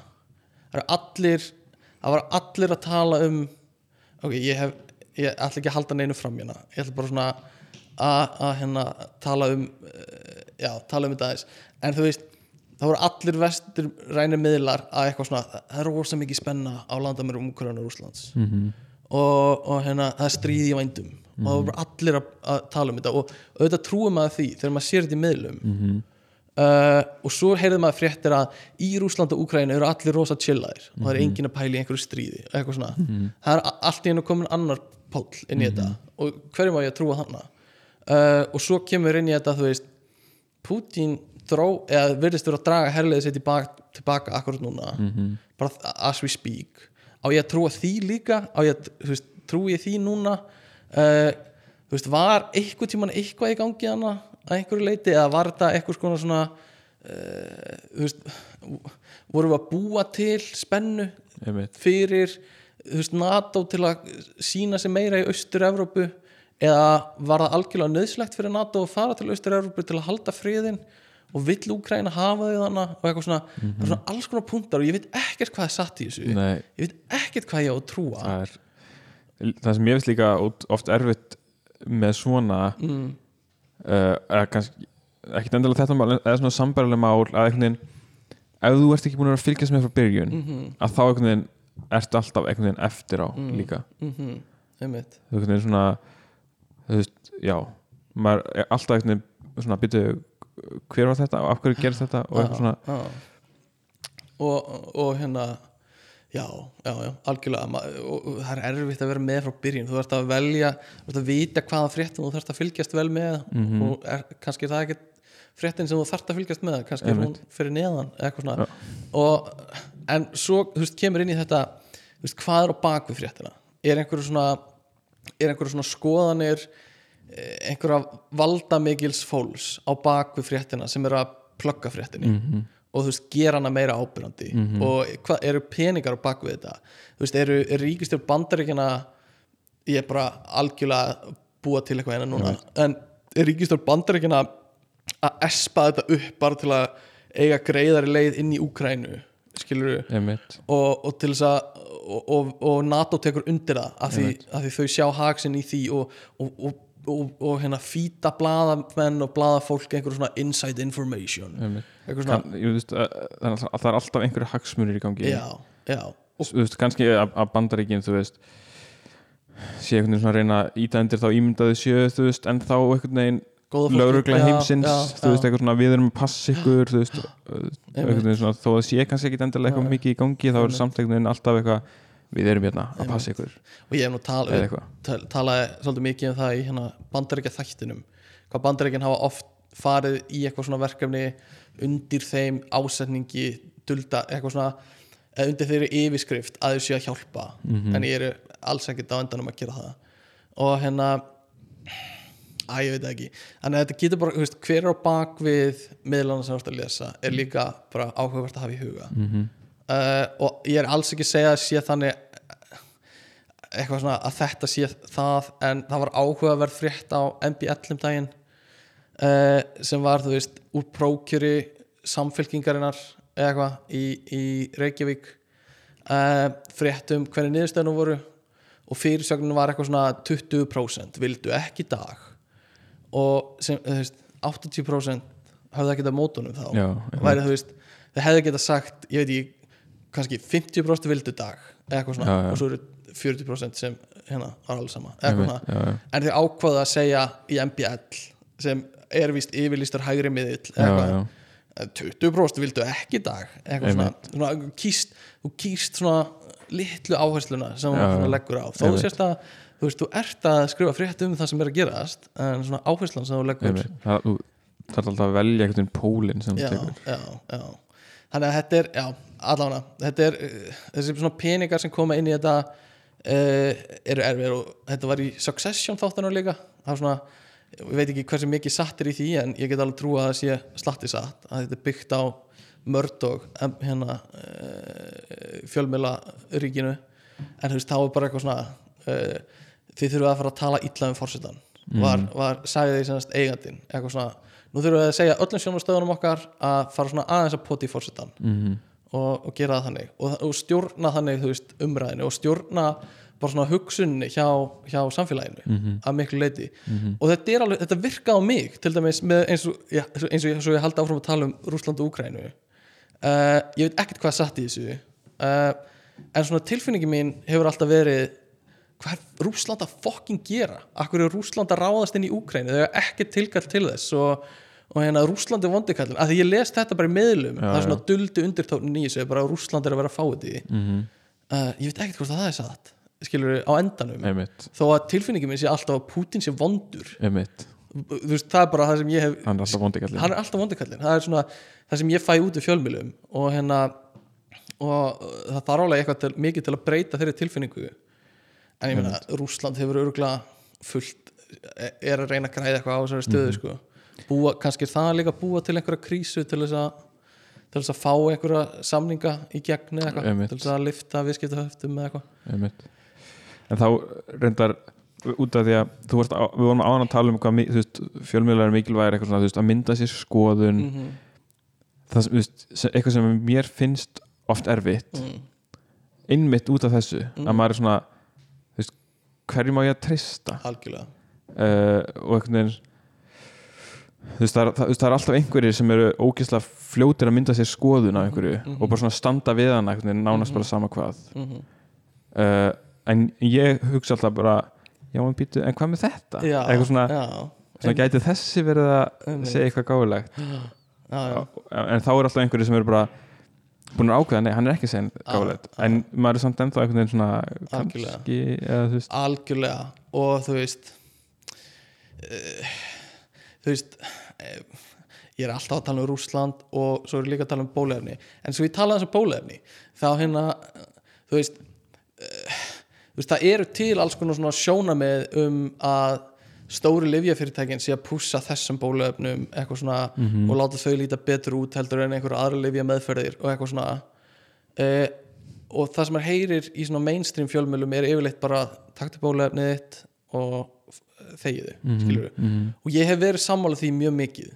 Og, og hérna en þú veist, það er alveg peningar bak við, bak við hérna, þessi fyrirtæki. Þannig að veist, það væri hagur þeirra að hafa fréttinar eins og þeir eru skilur já, það er þeirra hagur að fréttinar séu eins og þeir eru. Mhm, þannig að þýðir það að sé kannski ekki allur sannleikurinn sagður í öllu? Mhm, þú veist, eru, ef verið að kæfa einhver, einhver meðferða úrræði gegn COVID einmitt. af því það er ekki peningur bak við það. Og þú veist það er erfitt að fára á móti þessu af því maður hefur séð fólk bara bara eins og nökkvi fjalla var tekin að lífi. Og hann var kannski bara að lesa einhverja fréttir og held að það verið sannar við mhm, og hann, hann er bara að reyna að nýta sitt svona eitthvað svona leskilning á fjölmiðla einmitt. og komst bara að annari niðurstöðu. Mhm, þó að ég sé á því persónlega að fólk eigi bara að láta bólusita sig Einmitt. og hérna, hérna eitthvað svona mhm, þá, það, það er svo vond þegar maður er bara svona þetta, ég tók annan pól út úr fjölmjölum en hann er ekki svo sami og maður á að hafa eða svona póllin já, einmitt. En þá, en þá er veginn veist, eins og bara með bólefnin mm, og fleiri sambarlega mál þú veist, mín, minn eða, veist, ég enda alltaf á bara svona þú veist, hvað er sérfræðingurinn að segja já, já, þú veist, uh, þú veist jú, ok, læknar geta náttúrulega verið, þú veist, á bara prósentu nánast hjá lifjafyrirtækjum algjörlega, en þú veist en þú verður einhvern veginn að treysta einhverjum Mhm. þú veist, og fyrir mér, þú veist, ok, ég ætla veist, ég treysti mm -hmm. veist, algjörlega þú veist, því að mm -hmm. þú veist, uh, af hverju ætti ég frekar að treysta veist, greinum á netinu já, já, þú veist, þegar að þú ert með þetta mann sem er, þú veist, búin að, þú veist, hann vinnur við að stúdera þetta. Algjörlega. Þú veist, ég gæti kannski ná að stúdera þetta í hálftíma á Mhm, dag mhm. en þetta er vinnan hans, hann er Algjörlega. ekki búin að gera annað í tvö ár, algjörlega. Veist og ég, já, þetta er bara mjög góð punktur og hvað segja sérfræðingarnir. Og ég tristi að einhverjum ástæðum tristi ég Þórólu bara ógeðslega vel. Bara, ég veit ekki hvað er. Bara eitthvað við hann sem bara öskarar á mig bara tristu þessu manni. Uh, ég, kannski þannig í mörgum svona krísum uh, eins og í heimstyrjöldum og eitthvað bara svona tristu Churchill. Einmitt. hann stendur fyrir og ég veit ekki hvað er en allan ég tristi kannski er maður bara síbúl. Það gæti alveg verið sko. og það er ástæði fyrir að þetta er kallað shibul það er að því það er, eru bara svona það eru hjarðir af fólkinu sem, Mhm. sem þú veist, hjarðir af shibul uh, þannig að, að hérna og þetta bóluefni stæmi var kannski frekar slegt dæmi en þú veist uh, að því ég er sjálfur mjög pró bóluefni mm -hmm. en, en hérna þetta er já, bara hva, hvar eru peningarnir hvar liggja þeir, hvaða hérna hvar, hvaða hefur stóru fyrirtækin hvað gagnast þau af fréttanum sem er í gangi er oft svona uh, það sem maður getur pælt í en það er oft líka bara byrjunin á einhverju svona hérna, einhverju svona ál, hérna, álpapírshatti og einhverju svona samsæðiskenningadóti sko. Þannig að þegar við tökum samsæðiskenninga þáttinn þá fyrir við kannski í þetta. En, en þetta er en svo er alveg dæmi um veist, einhvern veginn samsæriskenningar sem að voru raunverulega samsæri þannig að, já, já, algjörlega sko. og bara við erum að sjá bara fullt af skandulum úr lifjafyrirtækjum bara eins og hérna siklir fjölskyldan sem var með hérna ópjóiðalifin, já, hérna Oxycontin og eitthvað. Það er bara eitthvað sem, ef þú verður að pitcha því árið 2000 eða eitthvað, eða 90, eða 2000 eða eitthvað, ég man ekki hvernig það var þá ertu bara, ertu fáiði þetta er að pjálpa fullt af fólki. Akkur í fokkanum ertu að segja þetta? Einmitt. Þú veist bara stæsti livja faraldur í, í heiminum sko. Allana, neikvæðni, neikvæðni, neikvæðni. Uh, sko, mér, mér, mér finnst líka svolítið áhugavert að þið vorum að tala um peninga auglýsingatekjunar sko að þetta var alveg svona, þú varst með heilsíðu auglýsingar í blöðunum í gamla dag Mhm. og þú vissir þá bara þú veist, bónus, það er eitt, ein, ein bónus opna í fréttablaðinu. Mhm. og, og bara og allstar voru auglýsingar út um allt. Uh, og það var fyrst 2017 síndist mér uh, samkvæmt kjarnanum góða að hérna uh, að pipar auglýsingastofa var í fyrsta skipti með meira af hérna netauglýsingum heldur en blaðauglýsingum Mhm. 2017 þannig að það er svona búið að færast aðeins úr blaði yfir á netið sko auglýsingarnar. Um, og bara mjög áhugaverð hérna uh, svona uh, að, pe hvert peningurum fer sko uh, og það er alveg greinilegt að sé greinilega meira virðið að auglýsa á netinu netið er að verða svo fullt af ógislegum auglýsingum Mhm. og ég er alveg, ég tek virkan þátt í að blokka þær Mhm. og þú veist, ég vildi að ég þyrfti ekki blokka þær allar eins og fyrir eins og YouTube fyrir Já. svona, ég er búin að tala um þetta áður held ég, svona fyrir svona hérna fólk sem er að búa eitthvað til sem ég hef gaman af Mhm. er ég alveg til að horfa á auglýsingu til að þau fá pening. Mhm. og þú aðeins heilin á mér. En það er bara svo ógæðslega mikið af þessu já, að ég er búin að blokka bara eiginlega allt. Mhm. þannig að ég fæ eiginlega yngar auglýsingar. Já, og hérna uh, en allavega auglýsingar á, á hérna uh, miðl, fjölmiðlum. Mhm. maður sér þetta ekki á BBC það er náttúrulega ríkisreikin fjölmið já, það, þú veist, þú sér ekki auglýsingar þú veist, þó að sé auglýsingar á rúf sem sagt, í sjónvarpinu og í útvarpinu að þá eru samt ekki auglýsingar á heimasíðu rúf það er góð punktur. Er góð punktur. Uh, veist, þannig að þú veist, allir peningurinn sem BBC fær kemur bara beint frá ríkinu held ég, já, já, eða þú veist, eða einhver, gegnum einhvern svona skatt sem að einmitt, fólk borgar. Einmitt, einhvern svona útvarpsskatt. Einmitt. En þú veist, fyrir mér þú veist, ég er uh, á þeim stað að þú veist, ég ég er tilbúin að borga fyrir það að þurfa ekki að horfa á auglýsingu. Mm einhvern veginn. ég líka. Uh, þú veist, maður er komin á þann stað að maður svona veist, ekki það að maður sé ríkur en maður er kannski á nægan pening til þess að geta þú veist, mm ákveða að styrkja einhvern fjölmiðil og fá í staðinn þú veist, Mhm. þú þarf ekki að horfa á auglýsingu. Algjörlega. Þú veist, eins og til dæmis bara þú veist, The Guardian breski miðlinn uh, þú veist, all, allt sem hann gefur út er 100% frýtt þú þú þarft ekki að vera með neina áskrift eða neitt en það eru auglýsingar mm. á miðlinum en svo getur þú veist, bara borga smá Mm -hmm. til þess að losna við að þurfa að sjá auglýsingar Mm -hmm. sem að þú veist, er eitthvað sem að ég stið eiginlega meira heldur en bara eitthvað svona, á, ég ætla að vera með adblocker fyrir bókstaflega allt -hmm.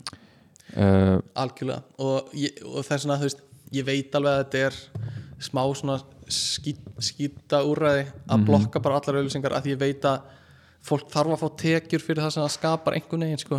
og ég er alveg all for that. Þess vegna vi- vil ég sjá líka bara svona breytingu á hvernig við meldum uh, efni og bara hvernig við neytum efnis. Og ég hef talað um þetta áður er þú veist að fara að styrkja frekar einstaklingana fá betri innviði í það hvernig þú getur styrkt það sem þú vilt styrkja. Mhm, og hvernig þú getur dreift peningunum rétt. Uh, mér finnst þetta ekki rétt eins og þetta er núna. En ég hef ekki beint lausnina en ég veit bara að mér finnst þetta eitthvað off eins og þetta er núna. Mhm. Uh, allavegna uh, kringvarp, það er ekki hægt að hafa fjölmjöla þá að tala um kringvarp færiða uh, ég, ég, ég hef ekkert mikið að segja um það annað en bara þetta er sennilega skemmtilegasti fréttamiðlin ég hvet alla til að bara googla kringvarp Mhm. og þá er fyrsta er, er aðal fréttamiðl færiðinga og þú veist, þetta eru bara svona litli brandarar að lesa þetta já, bara svona, þetta er, er bara svona allt fyndi við hvernig er færingar svona skrítlur. já, þetta eru svona litla skrítlur uh, og uh, við vorum að skoða í gær svona, svona fréttasetti þeirra svona lítið sætt fréttasett Mhm. og þeir eru öll standandi og ekki sitjandi við borðið eins og Bói Ágússon Mhm. og hérna og þetta er bara svona, það er allt kjút við þetta. Og ég veit að Íslendingar eru þú veist þið verður bara að gefa okkur Íslendingum það að við megum aðeins tala svona um færiðinga þú veist, þeir eru svona litli sætir eitthvað svona. Og þú veist, ég hérna þegar ég fer til útlanda og og eh, segist vera frá Íslandi eins og ég byrja allar samræður í útlandum góðan daginn, ég ætla að hafa hambúrgara og ég er frá Íslandi. Yes yes. Og þá fær maður ofta einhverju spurningar eitthvað svona um Ísland og ég hef til dæmis fengið eitthvað svona uh, oh, is there even a university in Iceland? Eitthvað svona. Og, og við tökum því bara á kassan við Íslandingar en að því gefnu að við megum tala svona um færiðinga mm -hmm. er háskóli í færiðum skilur um getur þú svarað því? Uh, nei. Þannig að, að hérna, við gefum okkur myndir, myndir spyrja færing það að því? Já, uh, það væri það svona fyrsta sem þú myndir spyrja færing Já, fyrsta sem ég myndi gera er svona klíp í kinnina hæ, litli sæti færi einhver hvað segir þú gott, það er svona lítið sæt eiga hann einhvers Einmitt. uh, og svo myndi ég segja uh, eru þið með mjólk í fægjum eru þið með búð í fægjum uh, eitthvað svona. Uh, en nei, ég veit það er háskóli í fægjum sko. mm. og ég, ég sérstaklega kynnti mér þetta fyrir nokkrum, eða fyrir svona ári af því, af því já, ég hef, já, mér langaði að vita. Einmitt. og hérna uh, færiska frétta síðan bara frábær. Og við horfðum á einn fréttatími í gær frá færiðum og það var bara að tala um fisk allan tíman það var bara, allar fréttir voru um fiskveðar einhverjar, það er bara það sem lífið snýst um í færi. Já, já, já, já, það er það. Uh, og þeir eru með hérna, þeir eru með spjallbor eða einhver svona ég er bara að skoða kringvarpið núna. Þeir virðist vera einhver svona pallborsumræður sem heitir Tað góða ráðið. Mm og hérna bara svona kjút, það góða ráðið. Og svo getið við frá að hlusta á það góða ráðið. Og hérna uh, bóndafélagið frágreining er misvísandi. Hvað er bóndaráðið? Er svona- bóndafélag, Já. það er ekki bóndafélag Eh, nei, já, bóndafélagið minna ég. Bóndafélagið. Það er aðeins off. Uh, en, en ég elska færiðar og hérna uh, væri virkilega til ég að fara til færiða og hérna bara gegja sko. Uh, og já ég vil ekki segja mikið meira um það fannst bara engin svona fjölmjöla þáttur vera fullkomin ef að tala um kringvarpið. Og ég stið það bara heilshugar það var allan rétt á sér sko. Uh, Vildið þú bera saman eitthvað eins og fjölmjöla Íslands og Erlendis? Eða erum við búin að kofvera það við svolítið? erum búin að kofvera það svolítið held ég. Einmitt, einmitt. Uh, Sko uh, Eru íþróttafréttir fréttir? Er stóra spurningin.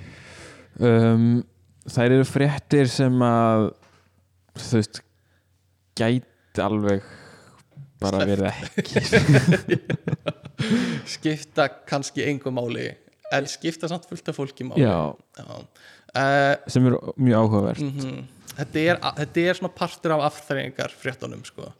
þetta, er svona, þetta er ekki alveg eitthvað svona uh, þetta sama og eitthvað svona hann er með uh, þrjár gervörstur, sjáðu myndinar Nei, en þetta er samt svona afþreyingar fréttur sko. En þá er svo fyndi hvað þetta fær stórt pláss. Mm uh, þú veist eiginlega bara í öllum fjölmiðlum.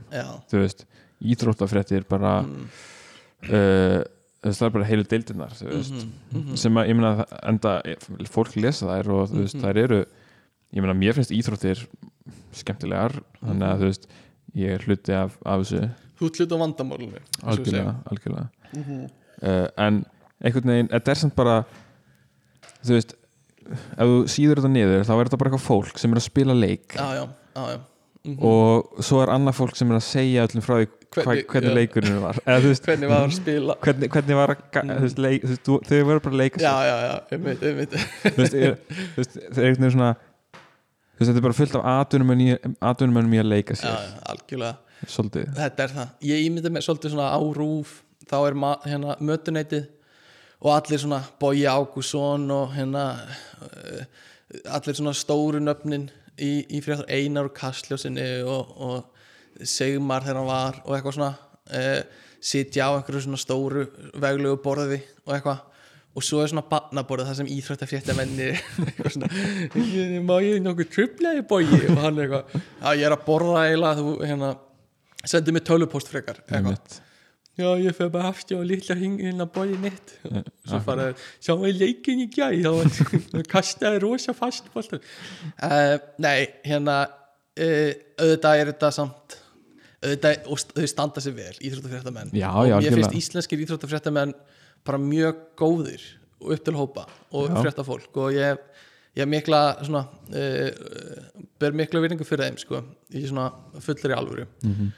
og ég myndi klála að segja að þetta vera alvöru fréttamenn þau, þú veist, fóru í skóla og þú veist, þau lærið að þú veist, þau. Mhm. lærið að lesa og skrifa og eitthvað svona, þú veist, það er ekkit allir sem fari gegnum það uh, en, en, en mín spurning er Mhm. uh, sem bara svona konsept ekki sem einstaklingarnar bakviða þetta er bara konseptið Mm. hver myndi vinna í slag íþróttafréttir eða veðufréttir og þú veist þá spyrum fréttinar ekki fólki á baku og eða segir. bara konseptið íþróttafréttir í slag við veðufréttir sko ég myndi halda að þú væri með miðil Mm. sem væri bara á brúninni mm. að, að vera gjaldróta og hann þess að leggja niður annarkvort íþróttadeildina eða veðurdeildina þá myndi hann velja veðurdeildina. Já, já, ég býstu því. Þannig að ég ætla að segja íþrótta fréttir myndi vinna myndi vinna. Ok, ég, ég, ég bara kann að metta það sko uh, þetta færir okkur inn í sko stóra, stóra málið sem eru veður fréttirnar afsakið. Veður fregnir veður fregnir allavega að þú ert á rúf já, einmitt. Eða þú ert að hlusta á Rú- Rás 1 mm, þá heitir dagskráliðurinn veður fregnir já, já, uh, en ekki veður fréttir uh, af hverju? Um, hver veit? Veit en já, þú veist þetta er eitthvað sem, sem pappar og afar hafa alveg gífurlegan áhuga á. Já, þetta er bara, þetta er svona heilög stund. Þetta er, þú veist, eftir fréttir er ég svona uh, hérna, má ég skipta aftur í Playstationum mitt, ég að klára leikina en má ég spila eftir fréttir? Og pabbi bara, nei, nei, nei, nei, nei veðfréttinar eru eftir. Einmitt. ég þarf að vita hvernig veðrið er núna einmitt. og ég þarf að vita hvernig það er í fyrramálið. Ekki bara það heldur veðrið klukkan hátegi í dag áðan, hvernig það verið Já, áðan? hvernig var veðrið áðan? Hvernig er veðrið í bandaríkjunum? Þetta er eitthvað sem ég þarf að vita. Já, ok pabbi, ég spila bara leikina eftir. Ég veit að þetta er mikið. Já, en samt svona, ok allir grínisleftu Já. veður upplýsingar eru mjög mikilvægur upplýsingar. Já, já. að þú veist uh, þú veist, ok þegar maður býr hérna í borginni Já. að þá kannski kemst maður alveg af án þess að vita hvernig veðri verður á morgun Já, þú veist. Uh, nema að setja skipuleg eitthvað þú veist. En eða þú veist, ef það er einhver svona veður viðvörun, veist, Mhm. en annars þá kannski, þú veist, þú vaknar og það skiptir ekki máli hvort það sé Já. rigning eða sól eða vindur eða eitthvað, en algjörlega. samt svona heldina, mjög mikilvægur upplýsingar.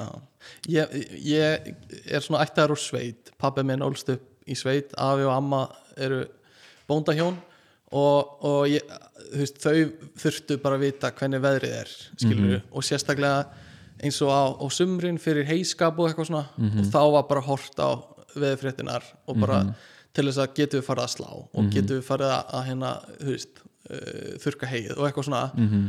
og þá var þetta bara spennið þættir sko það var bara hvernig er veðrið á þriðudaginn já, og fólk beið bara með öndin í hálsinum og það komið rektor og bara og já, fuck, já. Eitthvað svona. Ég tengi kannski svipa þú veist, ég mann þegar ég var lítill og maður, á, á modnana þá var mamma alltaf að kíkja á veðrið á textavarpinu. Mm til þess að svona, á ég að senda Björgvin í skólan í Pollagarðanum Já, eða í úrpunni eða þú veist, eitthvað svona. uh, þannig að þú veist, já, aftur mikilvægur upplýsingar, Mhm. en samt núna á tímum internetsins, þá ok, spyr sorry, maður sig ég verða að tröfla þig. Áttu pollagalla í dag? Nei, ég á ekki Pollagalla það verið helvíti nett eða ætti þú pollagalla veist, ég á alveg góðan reggjakka og reggbuxu Já. en ekki það sem ég myndi kalla Pollagalla sko. ég vil sjá fólk mæti vinnu og bara helvíti flottu pollagalli eftir í og það allir sem mæti pollagalli þú það er enda alveg sumir sem eiga svona kápur, reggkápur sem Já. er alveg í svona Pollagalla efni já, sko. þetta er svona latex leður eitthvað svona Já, en það vantar kannski buksunar til þess að gera þetta galla sko. pollagalli Þetta er mjög skemmtilegt koncept sem ég hef ekki hugsað um lengi. The pedal suit. Já, the puddle suit. Uh, Og ég vil sjá svona að- hvernig voru stjörnunar að bera sig í pollagöllunum um Ah, helgina já, og eitthvað svona. Ég vil sjá þessa fréttir. Aha. Allana, sorry, ég tröflaði eins og annað En maður spyrir sig á tímum internetsins Mm. þar sem að þú veist, ef þú vilt vita hvernig veðrið er núna á morgun eftir þrjá daga Mhm. þú veist, þá bara kíkir á það á netinu. Já. Uh, og þú veist, basically ef þú ert með aðgang á sjónvarpi Já, þá ert með aðgang á netinu já, já, já. uh, Eða, þú veist, já, já. þú veist, ok, svo náttúrulega ertu með útvarpið Mm. en þú veist, þarf þetta að vera svo mikið eða, veist, ég er bara svona Mhm. Ég, ég, þú veist, þetta er ekkert að fara neitt Nei. sko. en það er samt svona þú veist, þú veist, ég hefur bara, á- oftast hef ég bara áhuga á að vita hvernig veðrið er þar sem ég er já, Eða það þá- sem ég verð. Já, það fara, já. En þú veist, þá þarf ég ekki að horfa á veist, tíu mínútna innslag eftir fréttir mm. og þú veist, fylgjast með veist, Mm hvernig verður veðrið í Ameríku? Já, er það bara á einhver svona forvitni eða þú veist, einhver svona áhugavert eitthvað. ég veit ekki. Algjörlega. En þá, þú veist hérna, en þá er þetta þú veist, hvern, pæling með af hverju er alltaf verið að segja hvernig veðri var áðan mm. eða eins og á rás 1 þú veist, það er veðurfréttir alltaf klukkan 3 mínútur yfir 10 á Mhm. mótnana Mm og þar er, þú veist, jú, fyrst er eitthvað svona veðurhorfur á landinu, eitthvað Mhm. svona til klukkan 12 þú veist, aðra nótt eða eitthvað -hmm. og svo kemur alltaf bara langur listi af stöðum bara hringin í kringum landið Mhm. um það hvernig veðri var klukkan 9 já, fyrir klukkutíma síðan Mm. Uh, þú veist, hjálpar það eða þú veist, því að ok, það kannski seg, gefur kannski einhverja hugmynd um hvernig veðrið mun verða, þú veist, ef það var kalt klukkan nýju þá getur þú kannski ímyndað að verði kalt áfram en þú veist, ef það var lítil sátt að rigning klukkan nýju Mm. hvað segir það þér?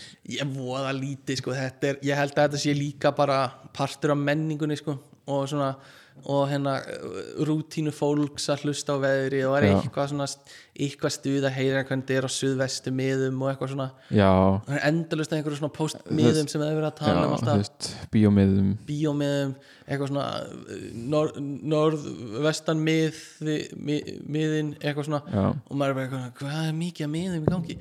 En uh, en ok, þú veist, eh, ég veit að þetta þetta er kannski skrítið rand já, En- þetta er mjög skrítið rátt en mér finnst bara svo og kannski fyndið. valið eitthvað þar að ráttum þetta er samt ekki búið, við hefum eftir að tala um að ég fíla. Nei, ok. Eða, þú veist, ég bara þessi pæling að fá að vita hvernig veðri var fyrir klukkutíma síðan. Ok, segjum að ég sé í Reykjavík. Ok, þú veist ok, klukkan er tíu, Já. nema ég hafi verið sofandi klukkan níu, þá veit ég hvernig veðri var í Reykjavík, já, já, já. Þú veist. Þetta er bara svona, ég veit ekki hvað ég á að segja við þig. Þetta er bara þetta, veist- þetta er bara partur af þessu. einmitt, mm. og þetta, ok, þetta skiptir máli fyrir sérstaklega ákveðna atvinnugreinar býst ég við, ekki þessa skrifstofu forröðunarvinnu sem ég er í og þúsundar íslendingar. Einmitt. Þetta er snýst eins og fyrir sjómenn og bændur og skiptir þetta miklu máli. Uh, örgla fullt af einhverju öðru fólki sem vinnur utan dyra og hérna sérstaklega sjómenn. Og maður heyrir það ofta á, á veðurfréttum, það eru bara veðurfréttir fyrir sjómenn. -hmm. og við rættum í gær þú veist, af hverju skoða þeir ekki bara netið þegar þeir eru á sjó? Kannski er bara útvarsbylgjur svona mest hérna uh, svona stöðugustu bylgjunar eða eitthvað svona sem þeir fá alltaf sem öryggi. -hmm. og svo er þeir líka að tjekka hitt. Eitthvað, veit ekki. Já, já, algjörlega. Þetta er bara svona, gaman að velta þessu fyrir sér. já, já. uh, en svona í þessu samhengi Mm. þá hérna langar mig að ok, já, mér langar að spila smá leik Já, við þig. Uh, ég ætla sem þetta við vorum mér langar að spila fyrir því bara svona brot úr veðurspáni fyrst. Veðurspáin þetta er svona veðurspáin uh, þetta er gömul veðurspá skiptir, skiptir ekki máli. Uh, þetta er svona veðurspá sem á að vera fram að miðnætti daginn eftir að hún er lesin. Mhm. Og ég ætla bara svona þetta er bara svona próf, kannski meira heldur en leikur en ég ætla bara að spila hana kannski í smá stund Já, og áheyrandur fá að heyra líka. Ok. Uh, og ég vil að þú segja mér ég ætla að spyrja þig um stað Ok. og þú ætlar að segja mér hvernig veðurspána var. já, Ok, eh, hérna Ok, ok. Uh, Lóku vegna veðus, þá voru skoðu að opna veginn upp úr háti einnig fréttaræðist lokið. svo kom ég veðurspáin hérna. Klukkan er þrjár minntur gengin í 11. Það er komið að veðurfregnum frá Veðurstofu Íslands. dýrkæði, ég elska hrinjandan í röddinu líka. Ah, já, þetta, þetta var endar ekki sko veðurþulurinn. Nei, nei, nei, ég, ég veit hvernig hann verður mm Mhm. að því við vorum að skoða þetta. Mm ég vil líka vekja aðtegli á nafni þessa veðurfræðings. Ágæta veðurfræðings. Uh, bara frábært. Já, öllu liti Veðurfregni les Bjarki Kaldalóns frís. frís Veðurhorfur á landinu til Ok, miðnætti það einbyttum mér Einbyttu- einbyttu. Suðurland, norðaustan 10-15 metrar á sekundu og skíjað, dálið til snjókoma syðst. Lægir smám saman og léttir til síðtegis. Kólnandi veður. Fremur hæ breytilega átt á morgun og þyknar upp með dálitli snjókomu um hádegi. Þetta er æðislegt Frost þrjú til tíu stig. Ó, Ég er bara strax búin að glemma þessu. Faxafló ok, getur þið sagt mér hvernig veðurspáin var En uh, söður, ég held að það hafi verið Suðurland uh, þyknar upp með hádeginu léttir einhvern tímann til einhver tíman uh, eitthvað 5-10 mögulega eitthvað 10 einhver stað ég er ekki með svona þjálfað eira af því maður þarf greinilega að hafa bara vel þjálfað eira til að heyra þetta sko. um, En þetta er svolítið öðruvísi en með venjulega fréttir þar sem Mm. þú getur bara hlust á fréttinar og meðtekið þar ágætlega þó Mhm. sért ekkert endilega einbyttar óslega mikið en með þessu, já, ef þú ert ekki einbyttar þá ertu aldrei að fara að meðtaka þessar nei, upplýsingar. nei. Maður spila örlítið meira? Ok, hérna kemur faxaflói. Minkandi norðaustan átt og léttskíjað, þrýr til átta í kvöld og herðir á frosti. Sunnan og síðar vestan 5 til 10 á morgun og dálið til snjókoma. já, Frost 1 til 7 stig. já, Breiðafjörð. Breiða fjöru sko ég er að hlusta á þetta og ég meðtek ekkert. Ég veit það. Þetta er gjörsamlega innum annað er að út um hitt Þó maður sé að reyna. Þó ég sé bara á 100% einbyttingu ég náði engu af þessu. Og hérna, ég held að það sé náttúrulega bara þjálfunin já, eitthvað svo leiðis en guðminn almatur hvað þetta er ekki gert fyrir mig sko. þetta er bara svo langt frá að vera gert fyrir mig. En Eh, þú veist, þarf maður bara að skrifa niður upplýsingarnar eða, þú veist, líka, ok, segjum á myndina á meðtakata, þú þyrftir síðan bara að, að þú veist, rifið tegnin upp. Já. og ef þú ætlar að muna þetta út daginn já, þú veist, þá er veginn já, þú veist þú, þú, Þú myndaðir einhverja mynd í haustum aður þetta er, það talandi um það áhugavert. Uh, sé, þegar þú ímyndaðir eitthvað þetta er gjörsamlega annað konsept ok. Við erum að fara í alltaf átt hérna. Þegar þú ímyndaðir eitthvað sérðu það fyrir þér í haustum aður ertu með svona mynd í haustum aður svona mind's eye. Þú veist það sem, ef ég byrði um að loka augunum og ímyndaðir epli og svo bæti ég við upplýsingum eins og það er grænt epli með stöngli og blað, löfblaði.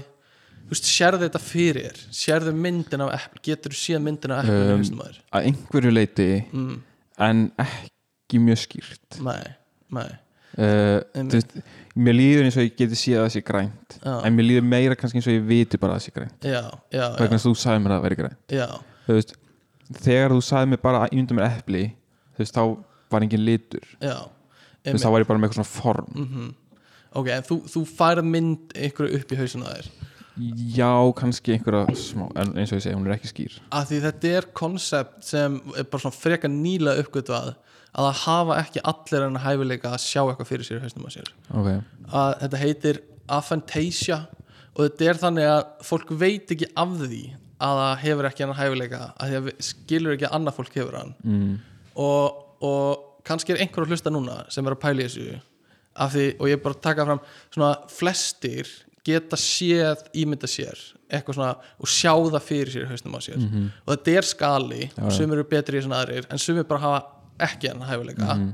en þú veist, veist það er bara þannig Já. og það er ekkert verra fólk. Þannig, ég veit ekki. En, en hérna uh, þú veist, ég ég persónulega bara svona sé þokkalega vel fyrir mér eitthvað í hausnum á mér og, og hérna minni mitt er mjög tengt við myndir í hausnum á mér. Mm, en sumir bara bara, bara fatta þetta ekki og bara kannski viti ekki af þessu fyrir en eins og myndir kannski vera að heyra af þessu núna að hérna að bara uh, já, ég veit hvernig epli er hvernig það lítur út og þú veist, ég bara, það er svona semikringlótt og eitthvað svona grænt og eitthvað en það sér það ekki fyrir sér hausnum á sér og getur ekki búið til myndina. Mm, um, það er bara áhugavert svona út út úr að hérna, það verður gaman að heyra ef, að, ef að einhver hlustandi hefur það sem heitir aphantasia og ég mæli með að, að, að kynna sér það að þetta er svona tiltörulega uppgötuð að, heilin hjá öllum virkar ekki alveg eins að þessu liti mm, uh, uh, allavega, veðfréttir erum við búin með það? ekki alveg, Ok. það er smá annar, annar leikur. Ok, uh, ok, ég ætla hérna ég ætla, ég ætla að fara spóla yfir í það sem hann er að lesa upp alla staðina Ok. og við, hvernig veðri var klokkan nýju ok, þann morgunin uh, ég ætla svona bara ok, byrjum bara fyrst kannski í þremur stöðum og svo spyr ég þig um einn af þessum stöðum. Ok, ok, Ok. uh, ef þú vilt skrifa eitthvað niður þá máttu gera það. Ok. Uh, ok, ég er til. Ég er aðeins búin ok. Sennast, uh, já, fyrsti staðurinn ég veit ekki nákvæmlega hvort ég sé að byrja á réttum stað en fyrsti staðurinn er Hólmavík. Að alright. Hólmavík, norðnaraustan 10, frost 1 stig, reykir í hrútafyrði, vestan 15, frost 1 stig, blöndós, norðaustan 10, frost 2 stig, hveravellir, norð-norvestan 4, Ég frost get ekki. 13 stig, ok, ok, hvernig var verið í Reykjum? Ah, ég skrifaði Hólmavík og Blöndós næstu því uh, Norðaustan eitt stig. Uh, nei. Vestan 15 mín, uh, frost 1 stig. Reykjum í Hrútafyrði nei, ok, ok, Blöndós, þú skrifaði Blöndós hvað var það? Já, ég skrifaði eiginlega bara Blöndós uh, Frost eitt stig. Uh, nei, Damn. Frost 2 stig. Já, stíg og svo hérna uh, ok. Þannig að bara pointið er Mm. Þetta er svo mikið af upplýsingum Já. á ógislega stuttum tíma Já, að ég átta mikið á því hvernig ég geta á Nei. gagnast mér Nei. þetta er náttúrulega bara fólki á blöndu ósi náttúrulega bara hrúast við útvarpið Já. á þessum tíma veist, það er bara að stoppa í vinnunni bakaríin er lokað aha, á blöndu ósi og þau fara í kaupstæðar útvarpið aha, og svo byrjaði bara að hlusta. Aha. Og svo fagnaði yfirleitt þegar blöndu ósi Aha. lesinu upp, til þess að vita hvernig veðrið var fyrir klukktíma síðan. já, já, já, og ef, að- og ef, að- ef krak, einhver krakki er með og þetta er svona akkurat þegar blöndu sér að koma og krakkin er bara eitthvað pappi, pappi og pappi missir af því og bara nei, Nei! Ég er búin að segja þér að tröfla ekki. Þannig að, já, þetta er þannig sko, á, í þessum helstu kaupstöðum sko. Mm það er sapnast saman við kaupstæðar útvarpið sko. og svo eru stundum koma svona auka upplýsingar. Mm. Sauðanesviti, norðaustan 12 úrkoma í grend mikill sjór frost 1 stíg einmitt, úrkoma í græn úrkoma í grend Já, það ég- er sérstaklega mikilvægur upplýsingar. Já, í kringum þig var úrkoma. Já, kannski er hún að koma til þín. Algjörlega, þetta eru mjög mikilvægur upplýsingar. Uh, Ok Þetta, þetta er uh, skemmtilegt. Þetta, Ég elska hann að hrinjanda líka. Þau læra þetta, þau fara á námskeið Svona veðurfrétta fólk Og ég er fullviss um það. Og hérna, uh, bara ekki missa þetta. Bara, Þetta verður það síðasta sem ég vil sjá fara út úr rúf. Mm -hmm. veist, Þegar uh, heimurinn er að farast Og þú veist Það er búið að kötta niður íþróttir Og það er búið að kötta niður Pólitík og alls konar svona fréttir þá vil ég ennþá heyra hennar Kaldalón Frís -hmm. lesa 778 kviti fjögustík og ég vil bara svona ég vil bara hafa þetta það síðasta sem er inni. Það er bara síðast sem þú heyrir Já, áður en þú já, ég- dregur síðast andan Já, bara ég- norð, norð, ég heyri í hennar ég heyri í sprengjunum varpa það er svona og í bakgrunn heyri ég í Frís Kaldan og lesa. 761 og ég er svona hlínar um hjartarætur heyri svona finn sprengingu hérna kvellin og svo og svo inn í, inn í hérna algleymdina Já. inn í eiliðina tek, tek veðurfréttina með mér. Falleg mynd sem málvar hérna upp. Já. Um, a- Anyway, ég skrifaði hjá mér eh, flesta fréttir eru náttúrulega bara tilgangslausar. Uh, Þetta hefur mjög lítil áhrif á okkar daglega líf alla jafna basically. Mhm. uh, hver, hvað er að gerast út í heimi þú veist, ég bý í Íslandi með svona fullri virðingu sama hvað er að gerast út í heimi. Árásinn á þinghúsi í bandaríkjunum hafði engin áhrif á mig persónulega basically. Þú veist, smá þegar skipið festist í hann að súeskurðunum fekk ég ekki pöntunina mín á Amazon og þú þurftir að vita af hverju. Já, já, já, já. En, en svona heilt yfir og líka bara á Íslandi hvað, þú veist, hvernig prókjur í Reykjavík fór það sama hver er borgarstjóri í Reykjavík. Skiptir engum máli og hérna og sk- langflest skiptir með einhver máli. Uh, ég lifi bara þannig. Ég er bara svona spes og sérstakur. Uh, nei uh, en, en samt vil maður fylgjast með þessu. -hmm. og þú veist, þetta er eitthvað til að tala um þetta er eitthvað til að setja hlutin í samhengi þetta er eitthvað til að bara, þú veist, tala, já, móta sér skoðun á og hérna, bara til að skilja heiminn. Þó þetta hafa ekki áhrif mig dagstælega sko. Um, sko, sko, sko, sko, sko, sko. Uh, ef að fara yfir í hérna uh, varstu með eitthvað svona eh, menn.is fréttir eða eitthvað? Sko uh, ég skoða aðeins svona frett, ok, ég skoðaði aðeins menn.is mm, og ég skoðaði hérna K100 já, sem er svona, eh, ég myndi ekki segja að hann sé sambarlegur en hann er samt svona það er ekkit merkilegustu fréttir í heimi þar. Uh, við vorum alltaf búin að ræða svolítið um menn.is en eh, sem er svona, konungur clickbaitsins. Já á Íslandi. Já. Uh, og það, var svona, það var við vorum að tala um þessa clickbait titla sem er eitthvað svona þú trúir ekki hvað gerðist næst eða eitthvað svona, þú trúir ekki eitthvað. Mm og svo sá ég eina frétt á menn.is já, uh, og hérna þeir, þú veist, fréttamennir eru komin í ringin mm, uh, í þessum clickbait titlum. ok. Uh, ég veit ekki alveg hvaða leik þeir eru að spila Nei. en það, það var einn fyrirsögn sem var þeir borða sterkasta chilipipar veraldar. Viðbröðin eru eins og við er að búast. Já, já. Það, það þarf ekki að fara að flækja það þarf ekki að horfa á fréttina þú veist, Nei, þú þú veist, veist, bara nákvæmlega eins og þú bjóst við. Því. algjörlega. En þá hugsa ég sko hvað gengur þeim til ég þarf að kíkja á þetta sko. Já, já, af hverju eru þeir að segja þetta? Mhm. og er þetta þau vita ekkert hvernig mín mína skoðanir á heitum pipurum eru. Þau, hvað álektan eru þeir að draga um, um, um mín viðbrögð? Mhm.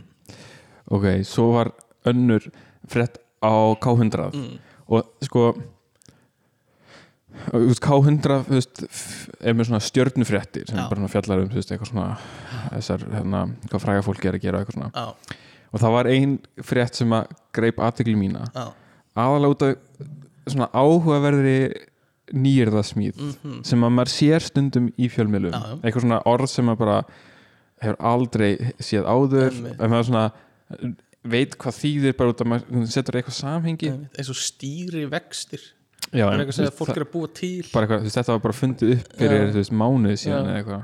Verðbólgu hjöðnun Markmið. já, Nei, allavega, ok, húsnæðislán hvað er þetta, allavega. Ok, hérna anyway. uh, ok, ok all, ég sá myndina með fréttinni þannig að ég gæti allan að sett hérna, fyrirsögnina í samhengi og þú veist, kannski ertu búin að sjá þetta en ég ætla bara að spyrja þig hvort að þú vitir hvað fyrirsögnin er að segja. Ok, ég held þú fattir það alveg, en þetta er samt áhugavert. Fyrirsögnin er svona knékróp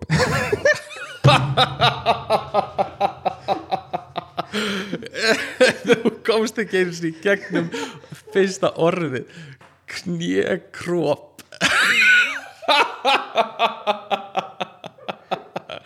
já, já, já, já ok, ég, ef ég á að segja eins og verð ég hef ekki hugmynd um hvert þetta er að fá ok, þetta er bara svo fyndið orð.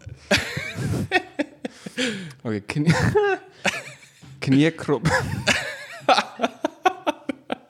ok Ég ætla ekki að segja þetta orð. Nei. Ok, þú veist hvað þetta orð er. Knjekróp, já. Það orð, Eminem í hálfleik vekur aðtekli Já Knékróp Eminem í háluleik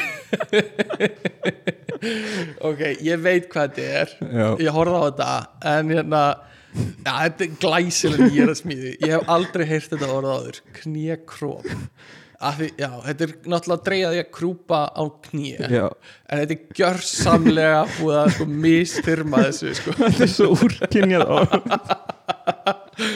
Knékróp já, já. Þetta er líka orðið svo ljótt. Þetta er svona minnir á róp eitthvað svona.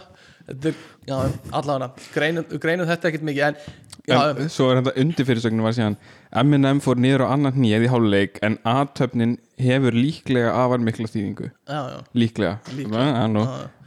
einmitt. Hérna er verið að, að hérna svolítið svona skoðan að væða þetta. Þetta er svona ekki þetta er, mm, ok, ég veit ekki. Þetta er ekki byggt kannski á, á gögnum þetta líklega eitthvað svona. En þetta er, þetta er svona eins og þegar fréttamenn segja líka uh, fólk er að segja að eitthvað bla bla bla. Já, já. eða hérna margir hafa sagt að Sigmundur Davíð eigi ekki afturkvæmt í pólitík. Algjörlega þýðingalust Já, það, það minnir mig á svona svona netmiðlar loga. Já. eða netverjar Já, uh, já, eitthvað. sem er allt einhvern veginn alltaf sama fólki algjörlega. Orðin netverjar er náttúrulega hræðilegt orð. Já, er, bara, þetta er náttúrulega orðið bara ákveðið svona stjætt svona, þetta eru þetta eru e, vantast, e, þau eru bara stjættafélag og þetta er bara þetta er, er rauninni. Netverjar. Uh, Já, ég hefði gaman að þessu.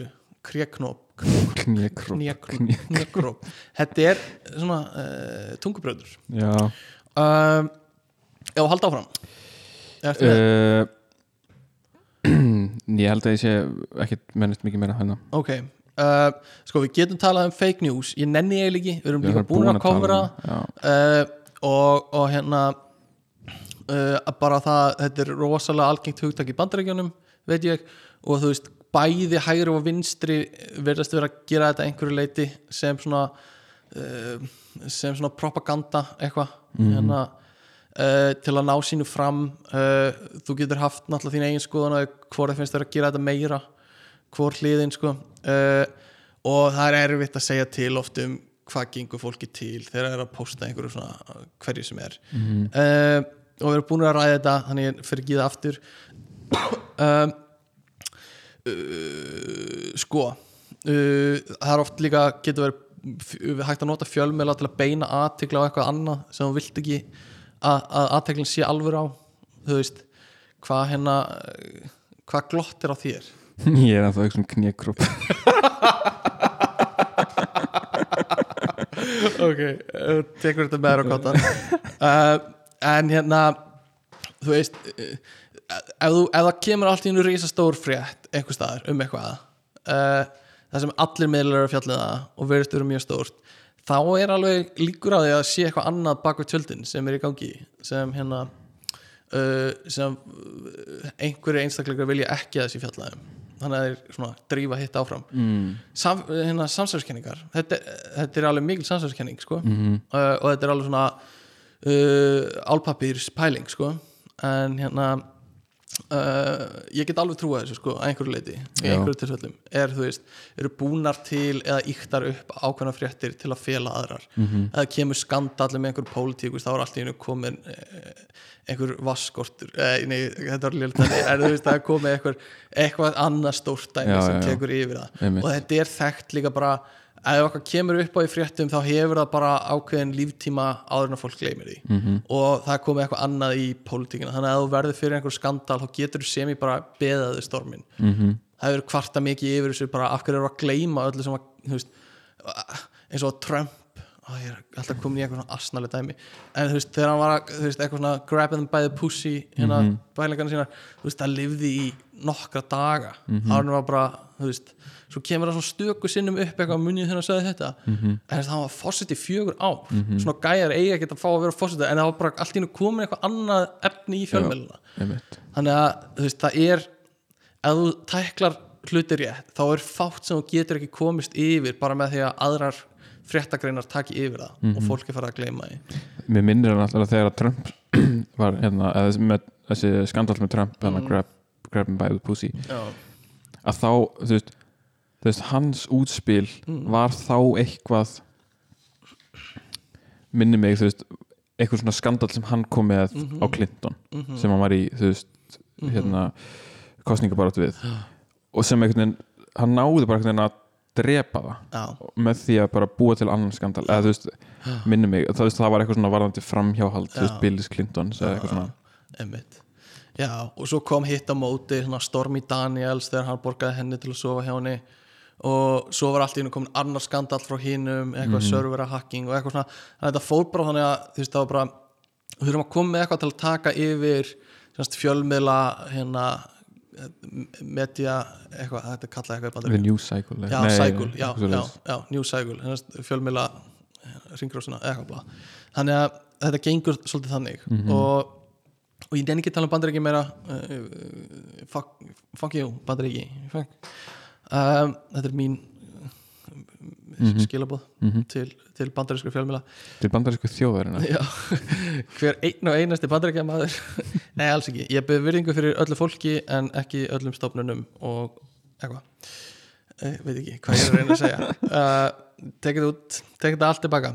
Uh, þú bara enga verðingu fyrir fólki en alla verðingu fyrir stofnunum. Já. Uh, En sko svona, svona fréttir af frægu fólki nú er ég bara að taka alls konar dóti eitthvað sem, svona rauðslutínsla úr svona þætti sem ég á eftir að tala um.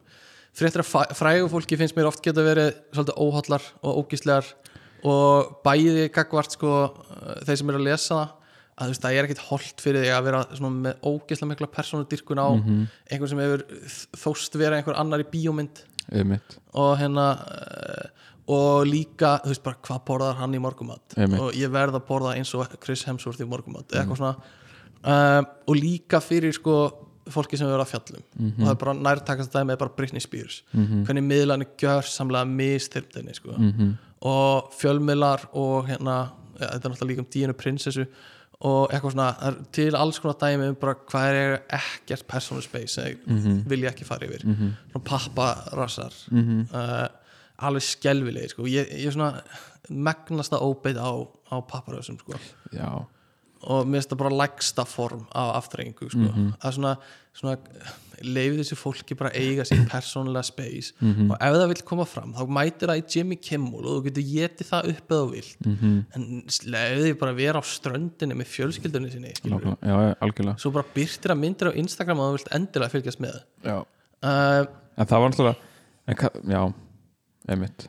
En líka, þú veist allar þessar svona papparasa myndir uh, það eru alltaf svona lélegar eitthvað. Þetta er svona með einhverju ógeðslega mikil zoomlinsu og í svona- kílómetra fjarlæð og þú svona- sérði einhvern mann í glugganum eitthvað á hóteli eða á ströndinni í svona, svona hérna, Sasquatch pósinu þegar hann er svona að lappa þessi myndina svona stórfót hérna, mjög fræg mynd af Bigfoot gæðanum allir þannig á ströndinni með svona aðeins og mikið af hérna, einhverju svona jólaspiki utan á sér og Mhm. eitthvað svona hann er ógæðslegur í dag sérðu hvernig þessi leikari bætti á sig um jólin Einmitt. og eitthvað svona hann er bara að hafa það næs Einmitt. hann er bara að borða það sem hann vill hvernig getur ekki fucking bara slakað á þetta er bara manneskja Mhm.